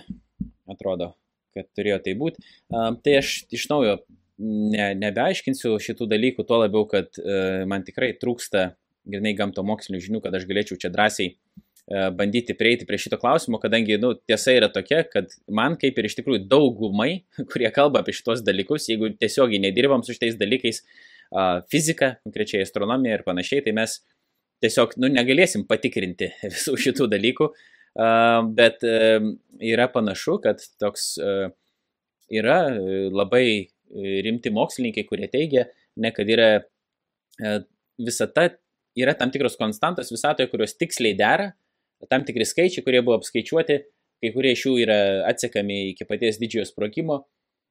Ir kad jeigu jie nebūtų buvę tiksliai tokie, kokie yra, ir visi kartu tokie, kokie yra, tai tiesiog gyvybė, sąveika, kokią mes jo turim, nebūtų galėjusi egzistuoti. Ir Pirma prielaida yra tokia, kad tas tikslus dėrėjimas atsirado dėl fizinės būtinybės atsitiktinumo arba buvo suprojektuotas. Antra, kad jis neatsirado dėl fizinio būtinumo ar atsitiktinumo, vadinasi, jis buvo suprojektuotas. Ir šitame filmuke jau buvo išaiškintos šitos alternatyvos, nes iš tikrųjų tai tas dėrėjimas tikrai nėra būtinas, mes galime įsivaizduoti, kad taip nebūtinai galėjo būti, netgi labiau tikėtina, kad taip nebūtų. Ir čia yra suties su tuo atsitiktinumu. Tai yra tikrai žymiai mažiau tikėtina, kad tai būtų, negu kad taip nebūtų. Ir paskutinis uh, iš tų, man atrodo, kurie buvo cituojami, yra Polas Deivisas, kuris yra agnostikas. Jis skambėjo gal kaip teistas, bet jisai nėra, jisai nėra nei krikščionis, nei, nei teistas, jisai netiki, kad Dievas yra, arba bent jau sako, kad nežino, ar Dievas yra, bet yra žinomas tikrai mokslininkas pasaulyje ir teigia, kad, nu, va, tas sukūrimo įspūdis yra toks didelis, bet jis nežino, ką su to daryti ir neprieina prie išvados, kad Dievas yra. Ir, tada, ir tada išvada yra, kad vadinasi, jis buvo suprojektuotas, jeigu tos dvi alternatyvos atkrenta. Ir kai kurie teistai sako, kad šitas argumentas iš tiesų yra jiems tas, kuris, nu, vienas iš tokių, kaip sakyti, rimčiausių atrodytų teismai. Jeigu aš neklystu, Hitchensas sakė tai, bet Hitchensas tai irgi jis nėra mokslininkas, jis nėra gamtos mokslo atstovas. Žurnalistas, jeigu aš neklystu, buvo jisai. Um, į, tai va, einam tada toliau prie kito. Prie kito argumento. Argumentas iš moralės. Jei Dievas neegzistuoja, objektyvas moralės vertybės ir pareigos neegzistuoja. Objektyvas moralės ir pareigos egzistuoja, objektyvas moralės vertybės ir pareigos egzistuoja, vadinasi, Dievas egzistuoja. Pirma prielaida. E, su, to, su kuria sutiktų irgi ne tik krikščionis, bet ir nemažai e, ateistų, tokių kaip e, Sartras, Kamiu, Nyčia, kad jeigu Dievo nėra, tai nėra tokio, tokio dalyko, kaip kad taip turėtų būti, arba mes taip turėtumėm elgtis. Pavyzdžiui, nėra, nėra nieko, kas galėtų priversti mus pasakyti arba pamanyti, kad iš tikrųjų tam tikri dalykai yra tikrai blogi arba tikrai geri nes nėra kur tos moralės tiesiog išaknyti. Tai tada kiti variantai yra gamta, bet gamta nėra racionali, tai nėra jokio skirtumo, joje mes negalime išaknyti objektyvios moralės. Jeigu išabandytum išaknyti žmoguje, tai tada jinai yra subjektyvi, tai reiškia, man taip atrodo. Man nepatinka, pavyzdžiui, taip, bet gal tau patinka, tai tada kas aš esu toks, kad aš tau galėčiau pasakyti, kad tu neteisingai galvoji arba negerai galvoji. Pavyzdžiui, kad kažkam patinka prievartauti moteris ir sako, nu, vat, bet aš manau, kad negerai. Ir bet jeigu moralė yra subjektyvi, tai aš negaliu pasakyti, kad negerai. Nu, aš galiu pasakyti, bet koks skirtumas, ką aš sakau, tarsi jam atrodo gerai ir tiek. Ir jeigu jis turi jėgos pakankamai, tai jisai daro, kas, ką jisai nori daryti. Nu ir taip toliau. Kai iš principo, kad jeigu Dievo nėra, tai objektyvios moralės kaip tokios nėra ir net negali būti. nes mums reikia standarto, kuris būtų aukščiau mūsų. Jis, nu, ir tada mūsų nuomonės, kaip sakyt, būtų pavestos tam standartui. Bet jeigu moralė priklauso tik nuo nuomonių mūsų arba nuo ne, ne asmeninių nuomonių, bet, sakykime, nuo tam tikrų visuomenių, pavyzdžiui, Šiaurės Koreja, ką nusprendžia padaryti, ten Iranas ar dar kas nors, tai mes galim, nu, tiesiog jiem taip atrodo. Ir viskas yra gerai. Kodėl kas nors nori protestuoti, protestuoti prieš tą, ką darė Lukašenka Baltarusijoje ir panašiai, nu nėra objektyvios moralės. Jiem taip atrodo, tai jie taip ir daro. Ne? Bet mes, mes visi nu, nujaučiam, kad ne taip turėtų būti. Jeigu aš paimčiau radikalų pavyzdį tokį, kad, pavyzdžiui, ar yra Gerai, čia dabar prie antrojo prielaidos, tada eiti, tada aš duodu tą pavyzdį. Objektyvės moralinės ir vertybės ir pareigos egzistuoja. Kaip mes dabar tai žinom? Uh, tai arba kodėl taip galima sakyti, kaip tą prielaidą būtų galima pagrysti. Nu, mes turim tam tikrus pojūčius, kurie mums leidžia pažinti fizinį pasaulį. Klausą, regą, uh, lytėjimą, uoslę uh, ir, ir panašiai. Ir mes pasitikim šitais pojūčiais, kad jie mums duoda tam tikrą informaciją apie išorinį pasaulį, kuri yra pakankamai tiksli bet egzistuoja tokie dalykai, kurie nėra prieinami vien tik fiziniais pojūčiais. Pavyzdžiui, kaip kad tai yra teisinga, neteisinga, gera, bloga. Tai neteina per fizinius tam tikrus pojūčius, bet mes turim tam tikrus čiuptuvus, vadinkim, taip Ulevičius dažnai sako tą, tą terminą, tokiu, kuriais mes užgriebiam kažkuo, ta prasme, giliau mes užgriebiam tam tikrą tiesą, kuri nebūtinai yra uh, materiali. Ir jeigu sakot, kad, nu, vat, ne, taip nėra, uh, tai tada duodu tokį pavyzdį. Pavyzdžiui, ar yra kokios nors aplinkybės, kada um, paimti kūdikį e, ir jį išprievartauti dėl savo malonumo, po to supjaustyti gabalais, būtų nei gera, nei bloga. Vat kaip tam žmogui atrodė. Ir jeigu mes sakom, kad ne, nu taip ne, negali būti, ar ne, tada mes reiškia, kad tai yra vis tiek bloga, nesvarbu kas ir kaip ir kodėl tai padarė, tai yra, tai yra bloga. Mes šitą dalyką vadinam blogu, mes pripažįstam, kad egzistuoja tam tikras ob, nu, objektyvios moralės dėsnis arba kad moralė yra objektyvi. Taip pat, jeigu jūs norit, pavyzdžiui, savo mokykloje, universitete ar kuris bebūtumėt, sakyti, pavyzdžiui, kad, na nu, gerai, objektyvios moralės nėra, kaip kam atrodo, taip, uh, taip ir yra, taip tas žmogus gali, žmogus gali elgtis, tai įsivaizduokit, jeigu jūsų, mm, nežinau, kaip jūs elgitės, kai jūsų ar tėvai, ar mokytojai, ar dėstytojai uh, pasielgia ne taip, kaip jums atrodo, kad yra teisinga ir jūs tada jūs galvojat, kad tai yra nesažininga, ne taip turėtų būti ir viskas jumise šaukia, kad vat, nu, buvo pažįstas kažkoks moralės dėsnis arba teisingumo dėsnis, kuris, kurį jūs užčiopėt savyje. Klausimas, ar jis yra teisingas ar ne, tai čia yra kitas, bet kad um, mes atpažįstame tokį dalyką, kad moralė, kad kažkokie dalykai yra blogi, tikrai blogi arba tikrai geri. Kaip mes tai atpažįstam, čia yra kitas klausimas, bet svarbiausia čia mums yra, kad mes tai atpažįstame. Vadinasi, Dievas egzistuoja. Jeigu šitos abi dvi prielaidos yra patenkinamos, Dievas egzistuoja. Kodėl? Dėl to, kad jisai yra vienintelis tinkantis būti tuo standartu arba to standarto dėvėjai, kuris, davėjai, kuris leidžia egzistuoti objektyviai moraliai, kuri nebūtų priklausoma nuo mūsų. Ketvirtas argumentas yra istorinis, čia jau labiau einam prie, ar nenorėjai kažką pasakyti? Ne, ne, rodžiu tiesiog, kad jau ketvirtas, kad Aha varom toliau. Argumentas iš Jėzus prisikėlimo. Jis jau yra, turi kitokią formą, čia nėra dviejų prielaidų ir po to išvados. Tai yra, čia Bilas Kreigas tokią formą naudoja kiti autoriai, pavyzdžiui, Garis Habermasas arba Michaelas Lakaunas šiek tiek kitokį, bet principas yra labai panašus ir tas principas yra toks. Jėzus Kristus arba Jėzus iš Nazareto pirmiausia, nes Kristus yra titulas, o Jėzus iš Nazareto, toks istorinis asmuo egzistavo. Mes turim tam tikrų e, faktų apie jo gyvenimą, klausimas, kaip mes tos faktus interpretuojame dabar, kokią mes galim geriausią išvadą padaryti iš tų faktų, turim, kuriuos turime. Tai tų faktų yra prirenkama įvairių, su jais sutinka didžioji dalis ir nekrikščionių mokslininkų tyrinėjančių šitą sritį. Tai čia nekalbu aš apie, kaip sakyti, interneto blogerius, bet iš tikrųjų žmonės, kurie rimtai tyrinėja, kurie turi tam tikras pozicijas universitetuose, kurie rašo straipsnius ir panašiai. Tai pirmas iš tų tokių istorinių faktų, su kuriuo sutinka dauguma šią sritį tyrinėjančių mokslininkų, yra tai, kad po mirties Jėzus buvo palaidotas kape. Nu, pirmiausia, reiškia, kad jisai gyveno, jisai mirė ir Bartas Ermanas, kuris nėra krikščionybės tikrai tradicinės draugas, jisai uh, irgi pamini, kad uh, Jėzus Kristus nukryžiavimas, tiksliau Jėzaus nukryžiavimas ant kryžiaus yra vienas iš geriausiai įtvirtintų senovės uh, istorijos įvykių tam tiesiog yra gerų istorinių argumentų mums manyti, kad Jėzus buvo nukryžiuotas. Čia būtų problema islamui, kadangi Korane yra parašyta, kad Jėzus niekada nebuvo nukryžiuotas, niekada jisai nenumirė. Tai ir jisai buvo ne tik nukryžiuotas, bet buvo palaidotas kape.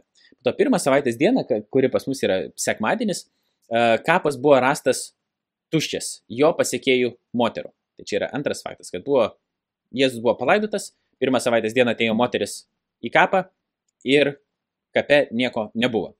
O to trečias yra faktas, kad atskiri asmenys ir žmonių grupės išgyvena susitikimo su gyvui e, pamirties Jėzumi patirtis. Čia jūs gali nustebinti irgi, e, kad e, dauguma mokslininkų su tuo sutinka, nors jie nebūtų krikščionys. Bet kai jie tiesiog interpretuoja tas patirtis skirtingai. Vieni sako, kad čia buvo halucinacijos, kiti sako, kad jie gal matė tam tikras vizijas, kiti dar, kiti sako, jie iš tikrųjų susitiko su, su, nu, su Jėzumi ir panašiai. Bet kad šitas faktas taip pat jis yra pakankamai gerai įtvirtintas, kad atskiri asmenys ir žmonių grupės išgyveno tam tikras susitikimus su gyvu pamirties Jėzumi patirtis. Tai reiškia, kapas yra tuščias, Jėzus prieš tai buvo palaidotas kape, dar prieš tai nukryžiuotas ir tada atsiranda žmonių, kurie teigia turėję tokias patirtis. Ir ketvirtas faktas yra, kad ankstyviai Jėzus mokiniai staigiai ir um, nors staigiai ir nuoširdžiai patikėjo Jėzus prisikėlimu, nors um, neturėjo tokio lūkesčio, vadinkim taip. Ir Kodėl dabar jie tokio lūkesčio neturėjo, kadangi dauguma Jėzus mokinių pirmųjų buvo žydai, tai e, žydų sampratoje nebuvo e, tokios, nu, prisikelimo sampratos, kad vienas žmogus vidury istorijos, kažkur istorijos eigoje tiesiog prisikels, bet buvo laukiama visuotinio kūno iš numirusių prisikelimo. Tai dėl to lūkesčio tokio, kad Jėzus prisikels, tai tokio nebuvo. Ir daugumo, ir Jėzus mokiniai, jeigu skaitot Naują Testamentą, jie buvo visą laiką nustebę, kai jis aiškindavo apie savo prisikelimą. Jie nepagaudo minties, apie ką čia eina kalba, nes ta, ta kategorija tiesiog nebuvo E, nebuvo išaknyta juose. Ir e, dabar kaip mes turėdami visus šitos faktus, po to dar galima kitų pridėti, pavyzdžiui, kurios Garis Habermas mini, e, kad ne tik Jėzaus mokiniai patikėjo Jėzaus prisikėlimui pradėjo tai skelbti, bet ir apaštalas Paulius, kuris prieš tai persekiojo krikščionis, dar mes žinom jį kaip Saulių, ir Jėzaus giminaitis Jokūbas. Čia tarp konfesinės vyksta diskusijos, ar jisai brolis, ar jisai pusbrolis, mums taip nesvarbu, Jėzaus artimas giminaitis Jokūbas, jis irgi netikėjo Jėzumi, o po to patikėjo. Ir nemažai jų, kurių, tų patikėjusių Jėzumi iš artimojo rato um, buvo pasirengę eiti uh, dėl tikėjimo Jėzumi ir išpažinimo jo iki mirties, o kai kurie ir uh, buvo nužudyti už savo šitą skelbimą. Tai klausimas, kas geriausiai paaiškina šitos faktus? Kad Jėzus yra nukryžiuotas ir palaidotas kape, kad uh, kapas randamas tuščias, kad e, tada moteris randa kapą, e, tai yra moteris randa kapą tušę, tada e, atskiri asmenys ir žmonių grupės išgyvena susitikimą su, susitikimą su prisikėlusiu Jėzumi, kaip jie teigia, ir tada ankstyvieji Jėzus mokiniai staigiai ir nuoširdžiai patikė Jėzus prisikėlimu, nors neturėjo tokios kategorijos iš vis. Tai yra buvo priešinga jo visiems įstikinimams. Ir yra, e, buvo seniau siūloma įvairių e, naturalistinių teorijų, kurias galėtų paaiškinti, šit, kurios bandytų pateikti tam tikrą paaiškinimą šitiem faktam, bet dabar neties pagal Gary Habermasą, kuris yra vienas žymiausių šitos ryties tyrėjų, sako, kad tas, šita prieiga yra atmetama, kadangi visos naturalistinės teorijos net arti nėra paaiškinimo. Kaip halucinacijų teorija, kaip dar, nes, pavyzdžiui, halucinacijų teorija negali paaiškinti net, kad daug žmonių matė prisikėlus Jėzų, negali paaiškinti nei tuščio kapo, nei nu, įvairių kitų dalykų. Tai, uh, tai dabar dažniausiai, ką sako mokslininkai, kad atsakymas kažkoks turėtų būti, kaip reikėtų šitos dalykus paaiškinti, bet mes tiesiog nežinom. O mes sakom, nu, yra tas atsakymas, kurį mokiniai ir sakė, kad Jėzus prisikėlė iš numirusių, nu tai čia ir yra geriausias paaiškinimas. Bet problema, kur čia vėl susidurėm, kurį jau vat, Jesinskai pradžioje pačioje minėjo, tai buvo tiesiog, kad, uh, nu bet, uh, ta prasme, mes kadangi to negalim patikrinti, kad tai teoriškai prieštarautų mokslui kažkokiu būdu. Mes negalim kalbėti apie stebuklus, nes jeigu prisikėlimas įvyko, tai įvyko stebuklas ir dėl to mes negalim iš vis padaryti jokios pagristos išvados, čia yra tikėjimo dalykas. Jeigu jūs norite tikėkit, bet mes apie tai negalim kalbėti. Bet kaip sako, ką sako Garis Abramas, jis labai paprastai. Jeigu asmuo A, tai yra, jeigu asmuo Jėzus taške A buvo numiręs ir taške B buvo gyvas, tai reiškia įvyko prisikėlimas. Mes ir kaip, nesako, kaip istorikai galime apie tai kalbėti. Mums nereikia išaiškinti mechanizmo, kuriuo tas prisikėlimas įvyko, bet mes galim patvirtinti tokią istorinę tiesą, kad jeigu buvo jis numiręs ir po to buvo gyvas, um, kažkas įvyko ten, bet, nu, įvyko kažkas tokio. Uh, tai va, tai prisikėlimas geriausiai paaiškina šitos faktus, jeigu mes savęs, savęs neįdedam į tą naturalizmo dėžutę, jeigu mes turim platesnę pasaulyje žiūrą, kuri mums leidžia tokią, uh, tokią išvadą daryti. Ir po to paskutinis argumentas iš asmeninės patirties kad e, tikinčiajam Dievo buvimas yra išaknytas jo asmeninė patirtyje. Aš, kai tikėjau, aš irgi ne, ne, ne per argumentus kažkokius įtikėjau pirmiausia, bet tiesiog buvo ilga istorija mano gyvenimo, bet kai man buvo 26 metai, aš patikėjau Jėzumi, nors iki, tai, iki tol jo netikėjau. Ir aš dabar nepasakosiu tiksliai, kaip tas įvyko, bet, nes tai vėl užimtų tikriausiai per daug laiko, bet įvyko kažkas mano gyvenime, kas privertė mane patikėti, kad Jėzus Kristus yra viešpats, kad jisai numirė žmonių nuodėmės ir kad jisai prisikėlė. Ir iki 26 metų aš nebuvau krikščionis, o nuo tada, kai tas dalykas įvyko, aš tapau juo ir kalbu apie šitos dalykus ir turiu tą tokį įtikinimą, kad iš tikrųjų taip yra. Ir angliškai tas terminas, galima pavartoti tokį filosofinį terminą, yra self-authenticating experience. Tai reiškia, kad pati save patvirtinanti patirtis. Ką tai reiškia dabar? Tai reiškia, kad jeigu Dievas tave įtikina, nebe jokių įrodymų, kodėl Dievas to negali padaryti. Ir kad jeigu tu tą patirtį turi, taip pat kaip, pavyzdžiui, tu įsimylėjai, tu žinai, kad tu įsimylėjai, viskas. Ta prasme, ta patirtis yra save pati patvirtinanti. Tu žinai, kad tu esi įsimylėjęs ir kad tu myli tą žmogų. Ne? Ir, ir tas žmogus, pavyzdžiui, yra, aš dabar gal dar matau jį. Um, ir objektyvūs įrodymai tokią patirtį pagrindžia. Tai reiškia, kad visi tie tokie argumentai, kuriuos aš dabar minėjau ir daug įvairių dalykų būtų galima kalbėti apie krikščionybę ir apie apskritai Dievo egzistavimą, tai reiškia, kad tai, ką aš sužinau, domėdamasis apie šitos dalykus, mano patirčiai neprieštarauja, o jie mano patirtį pastiprina. Ir jeigu nėra kokio nors ypatingai gero uh, argumento arba ypatingai gero pagrindo ir priežastis manėti, kad tokia priežastis patirtis mano yra teisėta, tai aš galiu racionaliai laikyti įsitikinimo, kad Dievas yra. Tai jeigu kol neatsiranda to, Alvinas Plantinga, toks filosofas, sako, tokio defeater, tokio, nu, kaip nugalėtojo mano tai patirčiai, plus po to visiems tiem įrodymam, jeigu, jeigu jo nėra, tai aš galiu būti racionalus, sakydamas, kad vis dėlto Dievas yra.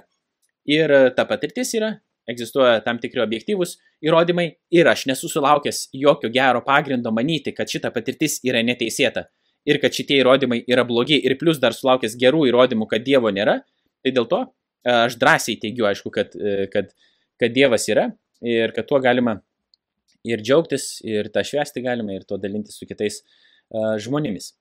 Gerai, tai tada aš šitą tada išjungiu parodymą ir jūs toliau sakykit, ką mes darom. Jo, dėkui labai už tokį išsamų pristatymą. Um, turėtum dar šiek tiek laiko klausimams, jeigu jo, jo, kiltų. Taip, galim. Nes um, apie pačius argumentus tada aš pamatysiu, tada žmonės, kai čia grįši savo grupelės, dar, dar jie atskirai pakalbės, bet jeigu taip um, bendriau kalbant, tai irgi vienas iš tokių, įsivaizduoju, yra, kiek, žinai, galvose žmonių. Tai vad, kodėl būtent tada krikščionybė, kaip iš visų kitų religijų, pavyzdžiui, kaip mes vat, nusprendžiame, kad, kad krikščionybė yra ta, kurią turime nusekti. Nes, pavyzdžiui, jeigu aš būčiau irgi gimęs um, viduriniuosiuose rytuose, turbūt išpažinčiau islamą, jeigu būčiau, žinai, ten, bet dabar Kinijos pilietis, tai tada turbūt ateistas būčiau. Nu, kaip, ar ne, nėra taip, kad čia tiesiog yra vat, mūsų asmeninė tokia subjektyvi patirtis ir, ir kažkam čia primetinėti ją yra net amoralu. Uh, tu aš pabandysiu atsakyti šitą klausimą, kai, kai gerai, išmoksi patraukti. Mes tave, jo, jo. Ai, va, gerai, gerai. Uh, nemoku, sakau, dar elgtis aš tam programų kartais. Uh, tai uh, Greitai atsakysiu šitą klausimą. Pirmiausiai į, į, į tą vietą, kur sakoma, kad jeigu tu būtum, musul, jeigu tu būtum gyventum kažkur Arabijos pusėselį, būtum musulmonas, jeigu tu dar kur nors kitur gyventum, Indijoje būtum hinduistas ir panašiai, tai čia yra tradicinė apeliavimo į kilmę loginė klaida. Ką jinai sako, tai iš principo, ką ta loginė klaida, kur jinai padaro, tą klaidą, tiksliau, kur yra problema tokiam argumente, yra ta, kad daroma prielaida, kad jeigu tavo kelias kas, kažką sužinoti yra klaidingas, tai tu būtinai prieisi prie klaidingų išvadų. Tai nebūtinai taip yra. Aš galiu visiškai iš nesąmonės, ta prasme, sužinoti, bet galiu teisingą dalyką sužinoti. Tai tai nebūtinai uh, turi įtakos. Aš kitaip pasakysiu dabar šitai. Kad taip, kaip aš kažkurį dalyką sužinojau, tai nereiškia, kad tas dalykas, kurį aš žinau arba kurį aš teigiu, kad tai yra klaidingas dalykas reikia žiūrėti į patį tą dalyką ir tam yra gerų argumentų. Tai negalima dabar diskredituoti krikščionybės dėl to, kad Laurinas yra krikščionis ir apie ją kalba. Ką tai reikštų? Tai reiškia, kad apie krikščionybę gali kalbėti tada tik kas? Ateistai? Tai reiškia, kad tik jie yra objektyvus ir tik jie gali kalbėti apie krikščionybę? Arba tada, tada ateistai apie teismą negali kalbėti, tada tik krikščionis gali kalbėti apie teismą, nes ateistas irgi yra tam tik subjektivus, ne, ir jisai negali pasakyti tiesos a, apie savo tą a, tikėjimą. Antras dalykas yra, kad aš tai, nors aš ir gimiau Lietuvoje, dabar žiūrint grinai sociologiškai, Lietuva, nu, nėra tokia jau krikščioniška valstybė, kaip kad bandoma yra pasakyti. Aš neužaugau tikinčioje šeimoje. Ir aš atsiverčiau būdamas 26 metų, tai man tas kaltinimas jau neipatingai tinka tada man asmeniškai, kad aš gimiau Lietuvoje, dėl to aš esu krikščionis. Kitas dalykas yra, kad visam pasauliu žmonių atsiverčiančių į krikščionybę yra daug ir iš tikrųjų didžioji dalis bažnyčios augimo tai vyksta pietų pusrutulyje, ne mūsų.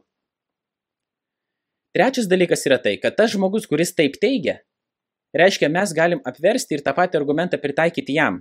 Tai tu esi ateistas tik dėl to, kad tu gimiai tokiai valstybei, kurioje yra leidžiamas ateizmas, arba tu tokioje šeimoje užaugai ir jeigu tu būtum uh, užaugęs musulmoniškose kraštuose, tu būtum musulmonas.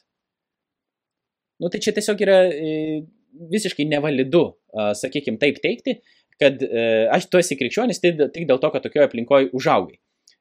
Net jeigu aš pasakyčiau gerai, kitas gali pasakyti, galbūt, pažiūrėjau, aš turiu draugų, ne, kurie užaugo krikščioniškoje aplinkoje ir jie yra krikščionis. Bet tai nereiškia, kad krikščionybė yra nei teisinga, nei klaidinga. Tarsi tai turi nieko bendro su pačios krikščionybės nei teisingumu, nei klaidingumu. Jie gali būti užauginti kaip krikščionis ir krikščionybė gali būti klaidinga, bet jie gali būti užauginti kaip krikščionis ir krikščionybė gali būti teisinga. Ne? Aš atsimenu mokyklai e, kažkokią sprendžiau, aš nelabai gerai mokėjau matematiką ir reikėjo išspręsti kažkokią, kažkokį uždavinį ir aš sugebėjau apskaičiuoti teisingą atsakymą, bet sugalvojau savo paties teoremą, kuri, ta prasme, nu, jinai buvo kažkokia, nu, jinai, aš klaidingų būdų tiesiog prieėjau prie teisingos išvados, vadinkim taip. Ir aš gavau balą už tą, uh, už, už tai, uh, ką aš ten padariau tiksliau ne už teoremą, už atsakymą aš gavau balą. Nors mano būdas pats buvo įdingas ir ta teorema niekam netiko, daugiau tik tam mano vieninteliam apskaičiavimui. Tai mano kelias prieiti prie to atsakymo buvo klaidingas, bet išvada pati yra uh, teisinga. Dabar uh, klausimo pradžia dar buvo susijusi su kažkuo kitu šiek tiek, ne? kad e, ne tik e, su ta apeliavimo į kilmę loginė klaida, bet su, su kitu dalyku. Kodėl, ar nėra arogantiška teikti, kad krikščionybė yra teisinga? Jo, ar šiaip, nu, tarsi, kaip mes galime sakyti, kad at, jeigu tiek yra daug religijų pasaulyje, kaip mes galime sakyti, kad mes žinome, kad yra teisinga, nes gal, pavyzdžiui, tada kitoje religijoje irgi kažkas savo, kad at, mano at, religija yra klaidinga. Taip, taip. Islamas irgi turi apologetų savo, kurie ten pasakoja dalykus, kurie, nu, negali būti stapatami su krikščioniškom apologetika. Kaip mes galime būti tokie tikri, kad mes esame teisingi. Nu, visų pirma, tai tas toks sakymas, nu, ta pluralistinė tokia pozicija, kad tada nėra tiesos ir visi turi savo tiesą, tai jinai, e, nu, įpuola į tokius pastus, iš, e, norėdama turėti savo tokį nuolankumą. E, spastai yra kokie? Viena vertus, jeigu tas pluralistas nori pasakyti, kad nėra vienos tiesos ir visi turi savo tiesą, tai jam galima perklausti tokio klausimo, o čia yra tiesa ar ne? Nes jeigu čia yra tiesa, ką sako tas pluralistas, Tai reiškia, kad vis dėlto tiesa yra ir jis turi tą tiesą.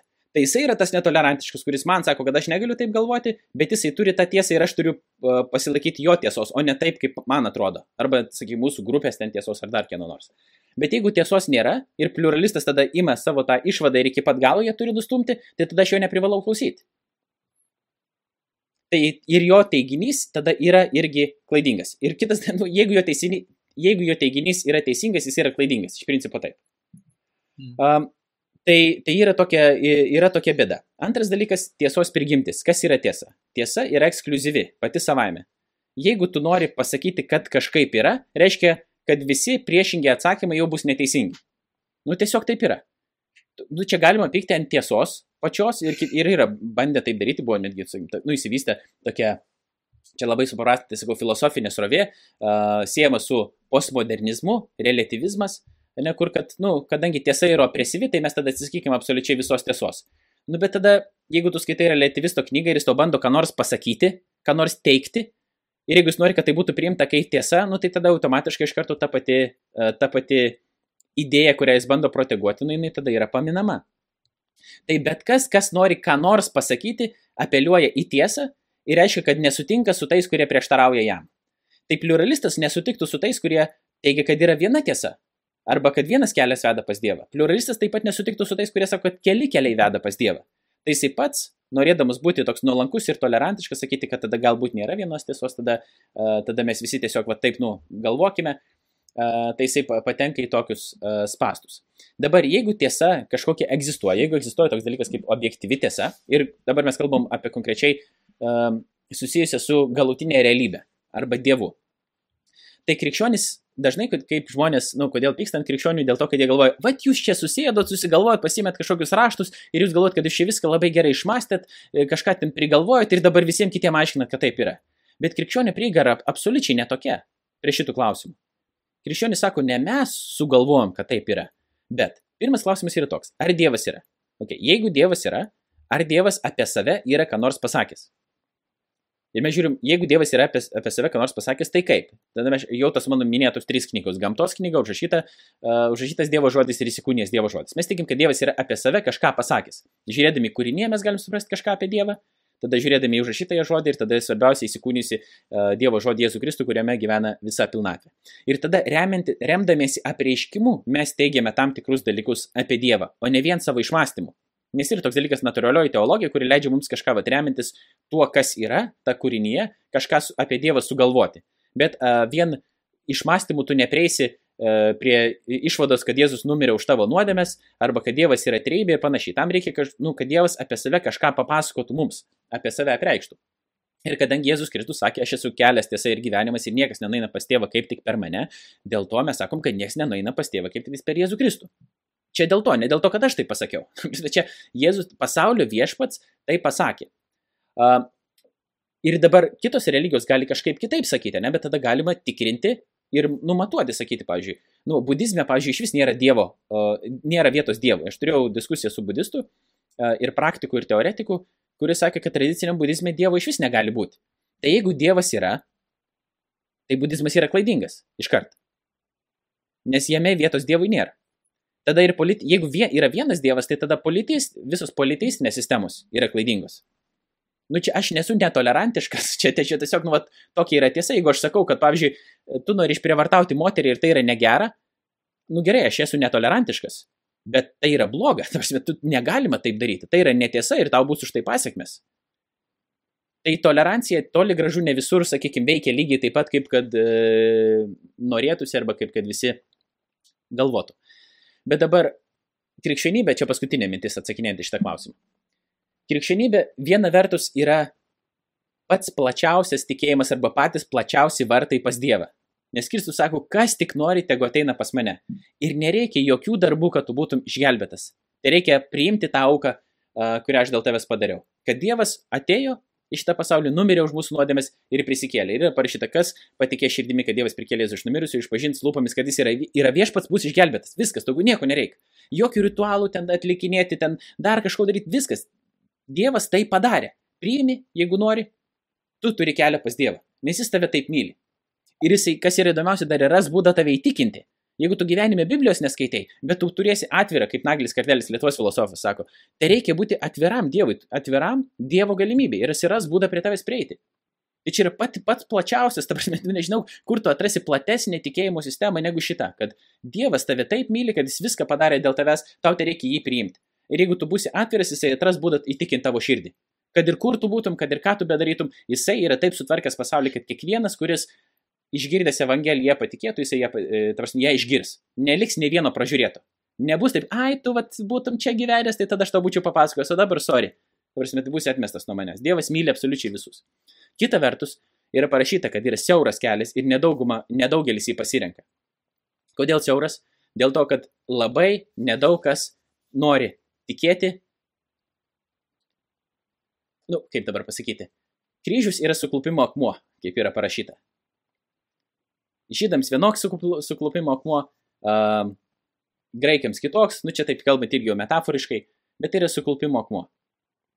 Negali daug žmonės priimti Jėzaus ir dažnai negali priimti dėl to, dėl to, kad jie galvoja, kad pat, patiems reikia išsigelbėti. Mes patys padarysim, mes patys galim, mes patys sugalvosim kelią. Arba gerai, tu man nori atleisti, bet aš pats savo negaliu atleisti. Nu ir mes susigalvom visokių priežasčių, kaip tik nepriimti to, ką Dievas yra dėl mūsų padaręs. Ir čia yra išdidumas. Čia tiesiog yra išdidumas ir reikia tam, kad tave prisikti tą krikščionišką tiesą, reikia nuolankumo ir sudužimo, tam tikro silpnumo. O mes nenorim tokie būti. Mes norim patys būti dievais, mes norim patys viską sustrateguoti, viską norim patys padaryti, o Dievas tik sako, nuleisk šitą, kaip sakyti, užkardą ir aš pas tave teisiu į tavo gyvenimą. Ir antras dalykas yra tas, susijęs su to, kad mes norim būti dievais, kad Kristus, tada kai mes jau patikim Kristumi, mes nebesam mūsų pačių, mes esam Kristaus, brangiai nupirkti jo krauju. Ir kas nori būti turėti savo gyvenimo viešpatį. Mes, dažnai, mes, mes norim būti savo gyvenimo viešpačiais. Mes norim, vis, mes norim būti galutiniais sprendėjais, mes norim būti viską tvarkantis, viską sprendžiantis, o čia tu atsiduodi į gyvojo Dievo rankas. Ir daug kas to nenori. Tai kvietimas yra absoliučiai visiems, kas tik tais nori. Bet nedaug kas nori. Čia, čia yra vienintelė problema. Tai parodykit man dar tokią pasaulyje žiūrę, kuri va tokia būtų atvira, bet visiems nereikia ten skaudint 50 metų sėdėti vienuolynė, kol atrasi tą nušvitimą ir galbūt tapsi būda ar dar kažko, nu to nušvitusioje, ne?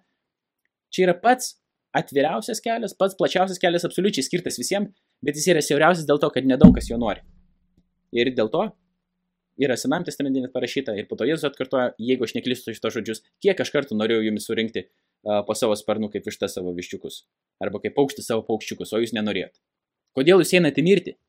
Dievas šaukia per visą šventąjį raštą. Kodėl, sako. O mes einam. Tai va, tai mums tik reikia neiti ir jisai mumis šiandien toliau šaukia. Ir čia ne mes patys sugalvojom, bet Dievas mums taip apreiškia ir mes tą prieškimą galim patikrinti, netgi tam tikrais a, argumentais, apie kuriuos mes dabar kalbam. Ta, ta krikščioniška pasaulyje žiūrė. Ir pati, jau čia sakiau, bus paskutinė mintis, bet palyginimui sakau tą paskutinę mintį. Jeigu mes imam dvi religinės sistemas - islamą ir krikščionybę, jeigu leisit pavadinti religiniam sistemam, nors jos yra labai skirtingos. Esminiai teiginiai Evangelijos yra tai, kad Jėzus Kristus nenumirė ant kryžiaus, jisai prisikėlė ir jis yra Dievas. Islamas neigia visus tris. Korane parašyta, kad Jėzus nenumirė ant kryžiaus, kad jisai neprisikėlė ir kad jis nėra, nėra Dievas. Ir kad Dievas neturi sunaus, kad Dievas nėra tėvas, o mes sakom, kad Dievas yra tėvas, nors visi tie, nu tai yra, nu kaip sakyti, prie, absoliučiai priešingos pasaulėžiūros. Tai kaip ir vienas ir kitas gali būti uh, teisingas tuo pat metu? Nu, negali būti. Tai tada mes žiūrim, ar čia islamas tada teisingas, ar krikščionybė yra teisinga šitoje vietoje. Tai va. Jo, ačiū už tokį tikrai irgi, e, manau, labai gerą apibendrinimą. Vis tiek ir su asmeninė patirtim dar, dar e, praturtinai e, šį irgi mūsų pokalbį. Dar nežinau, jeigu kas nors dabar turit klausimų, tai būtų tada dar galbūt šiek tiek dar laiko taip, jeigu turėtum Laurinai iš, iš, iš, iš, iš sutritinamųjų, tai, tai irgi dar drąsiai klauskit. Dar noris vis tiek suteikti ir kitiems.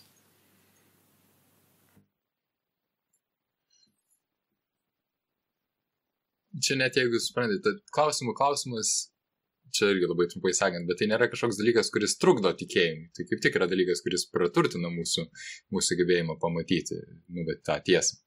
Tai tai nereikia jokių būdų nu, bijoti klausti klausimų apie savo tikėjimą. Tai yra dalykas, kuris, jo, kuris padeda, kuris, kuris pamato, gal net sustiprina mūsų tikėjimą, jisai galbūt atmes kažką, ko mes neturėtume tikėti, gal jis turi kažką, kas yra. Yeah. Gerai, va, Karolis, matau, kelią ragat. Aš labai greitai. Mm.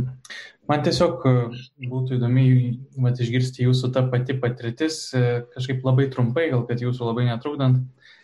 Nu, visgi krikščionybės e, atšakų vargu ar suskaičiuotume čia visi bendrom pajėgom visas, ne? Ir e, tiksliai nežinau, jų, ko, na, bet ko, ko, kokie atšakai jūs priklausot ir panašiai, bet e, kuom jį jūs patraukė, kad ir kokia jinai būtų, bet įdomu, bet na, vis tiek mes kiekvienas turim tūkstantį alternatyvų na, bet mes pasirink, pasirinkę esam, bet, na, tą katalikybę, mhm. bet įdomu jūsų būtų. Bet. Karoliai, mane gali kreiptis tu, aš labai keistai jaučiuosi ten jūsų, mūsų. Bet ar tu e, turi omeny grinai konfesiją, jau ne krikščionybę, kaip aš patikėjau, bet e, grinai tą tokį konfesinį priklausomą viduje krikščionybės, ne? E, labai paprastas yra atsakymas iš tikrųjų. Tai aš kai patikėjau, aš ėjau ir į katalikų, ir į vieną evangelinę bažnyčią, Vilnius laisvųjų krikščionių bažnyčią. Kodėl aš ten pradėjau eiti? Dėl to, kad aš tiesiog pažinojau žmonių, kurie ten ėjo Ir jie su manim turėjo santyki. Iš krikščioniškos organizacijos Agapė. Buvo tie žmonės tokie, po to aš taip pačioje organizacijoje dirbau kiek vėliau. Tie mane ten buvo pakvietę, aš dar iki įtikėjimo ten karts nuo karto nueidavau. Bet nueidavau ir katalikų bažnyčią. Aš katalikų bažnyčią vaikščiau visą gyvenimą, nors aš nebuvau krikščionis ir aš nebuvau tikintis. Bet ir neužaugau tikinčių, kaip sakau, šeimoje. Bet aš eidavau į katalikų bažnyčią. Dažnai. Ir, nu kaip dažnai, saliginai dažnai, vadinkim taip, ne kiekvieną tikrai sekmadienį, bet nueidavau.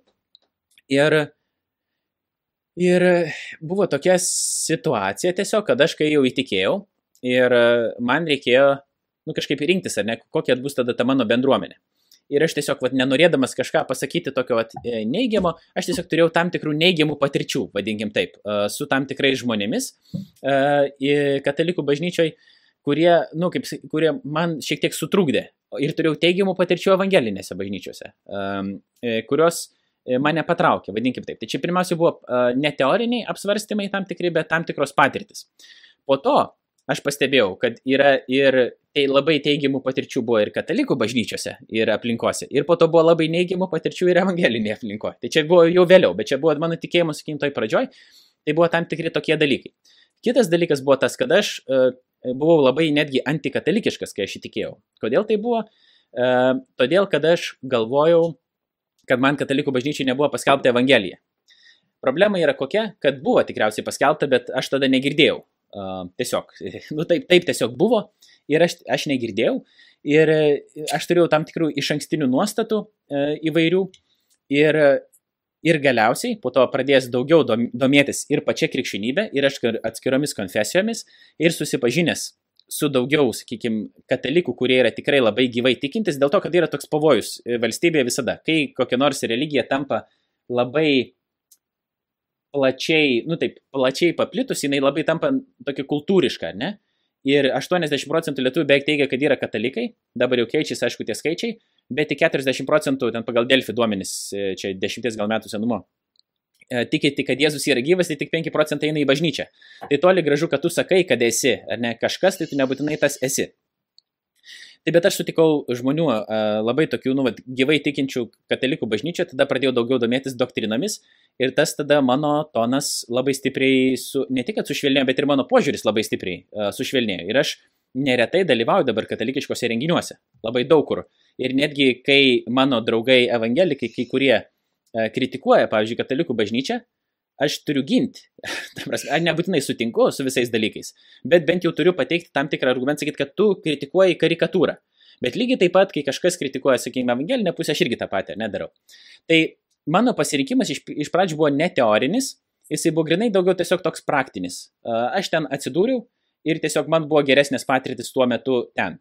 Dabar, kai jau praėjo šeši metai beveik, e, mano pozicija yra jau dabar kiek kitokia. Tai, nu, viskas pirmiausia buvo daugiau per patirtį, dabar mano yra tokia pozicija. O kur yra, prasme, ar Dievas yra įsteigęs, ar Kristus yra įsteigęs savo bažnyčią? Jeigu taip, kokia jinai yra? Ar tai ortodoksų tada ta atšaka, ar, ar, ar katalikų, ar kuri nors iš evangelinių bažnyčių, kaip Liuteris tada sako, kad reikia sugrįžti prie tų, nu, kaip sakyt, pagrindų ir jis kritikavo tam tikrus dalykus, kurie buvo bažnyčioje. Tai čia yra dabar atviras klausimas čia yra atviras klausimas ir jeigu mane kas nors sugebėtų įtikinti, ne, pagrysti, pavyzdžiui, kad vis dėlto e, Jėzus Kristus įsteigė e, bažnyčią, kuri dabar yra katalikų bažnyčia, ne, ta, ta, ta visuotinė bažnyčia, nes vyko pirmas schizma 15 amžiui, po to ta kita 16 amžiui, tai yra pirma katalikų ortodoksų, po to su protestantais, po to protestantų milijonas atsiskirimų, ta prasme, yra įvykę ir protestantizmas yra labai daug irgi išsiskaidęs ir yra bendruomenės, kurios tarpusavį nebedrauja, ta prasme, ir pykstasi. Um, tai, bet Dabar uh, pasitelksiu C.S. Liuso pavyzdį apie tas konfesijas. Kodėl čia nors ir yra skaudu mums e, širdie dėl to, kad Kristus sakė, kad, norim, kad, būtų, kad noriu, kad visi būtų viena. Kaip aš ir tėvas esame viena, noriu, kad, kad visi būtų viena. Tai mūsų vienybė pirmiausia yra dėl Jėzaus Kristaus. Tokia ir jeigu mes išpažįstam, kad jis yra viešpats, kad jis numirė, kad jis prisikėlė, kad jis yra Dievas, ne, tai jau atskiria labai daug mums nuo įvairių kitų, sakykime, pasaulyje žiūrinių sistemų. Tai reiškia sėkimas Kristumi konkrečiai. Ir iš tikrųjų tos didžiosios trys atšakos sutinka ties esminiais dalykais, e, kurie galėtų būti atrandami Nikėjos Konstantinopolio tikėjimo išpažinime.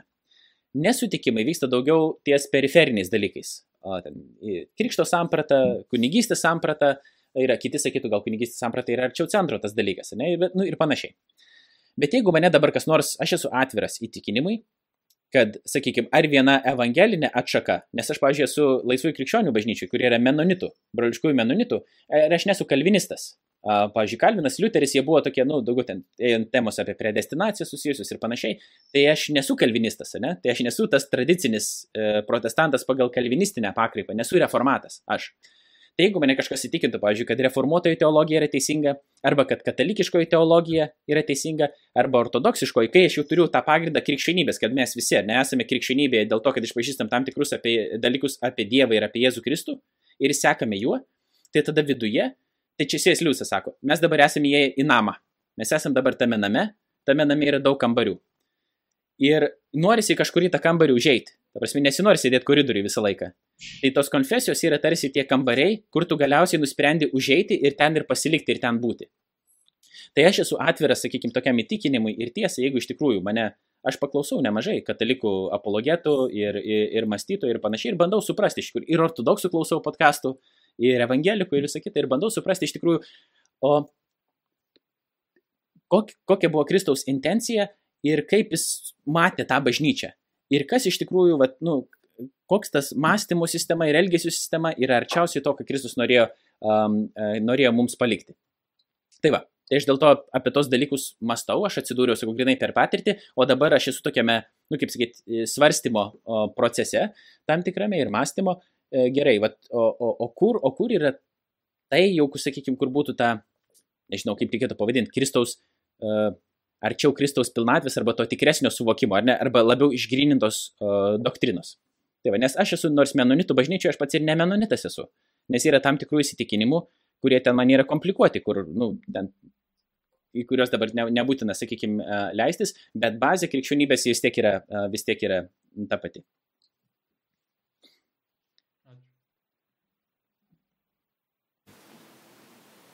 Jo, tai aš manau, čia tikrai dar atskira diskusija visą galima, čia dar, dar dvi valandas sėdėti apie, vat, kalbėti vien tik, vien tik šias siauresnė tema šiek tiek, bet, bet kokia atveju šiandienos tema apologetikos, manau, tikrai neblogai pagliaudėm ir už tai tikrai dėkojam, Laurinai tau. Uh, jo, dėkojam visiems nu, sužudanamiesiam irgi, kurie, kad ir nors ir netokie kaip čia, ne, neįsidrasnant paklausti klausimų, tikiu, kad galbūt šiek tiek buvo ir informacijos, kuri galbūt tikrai, kaip čia pasakius, tą... Tikrai galbūt paveikė ją. Ja. Jo, tikrai, tikrai paveikė ir tikrai, nu, tikiuosi, kad nebuvo pirmą kartą girdėta, bet, bet nenustepčiau, jeigu būtų. Um, tai jo, turi parnai ką dar pridėti. Ne, ne visai. Manau, kad gali tada keliauti šitie startinai grupelės į mūsų Discordą.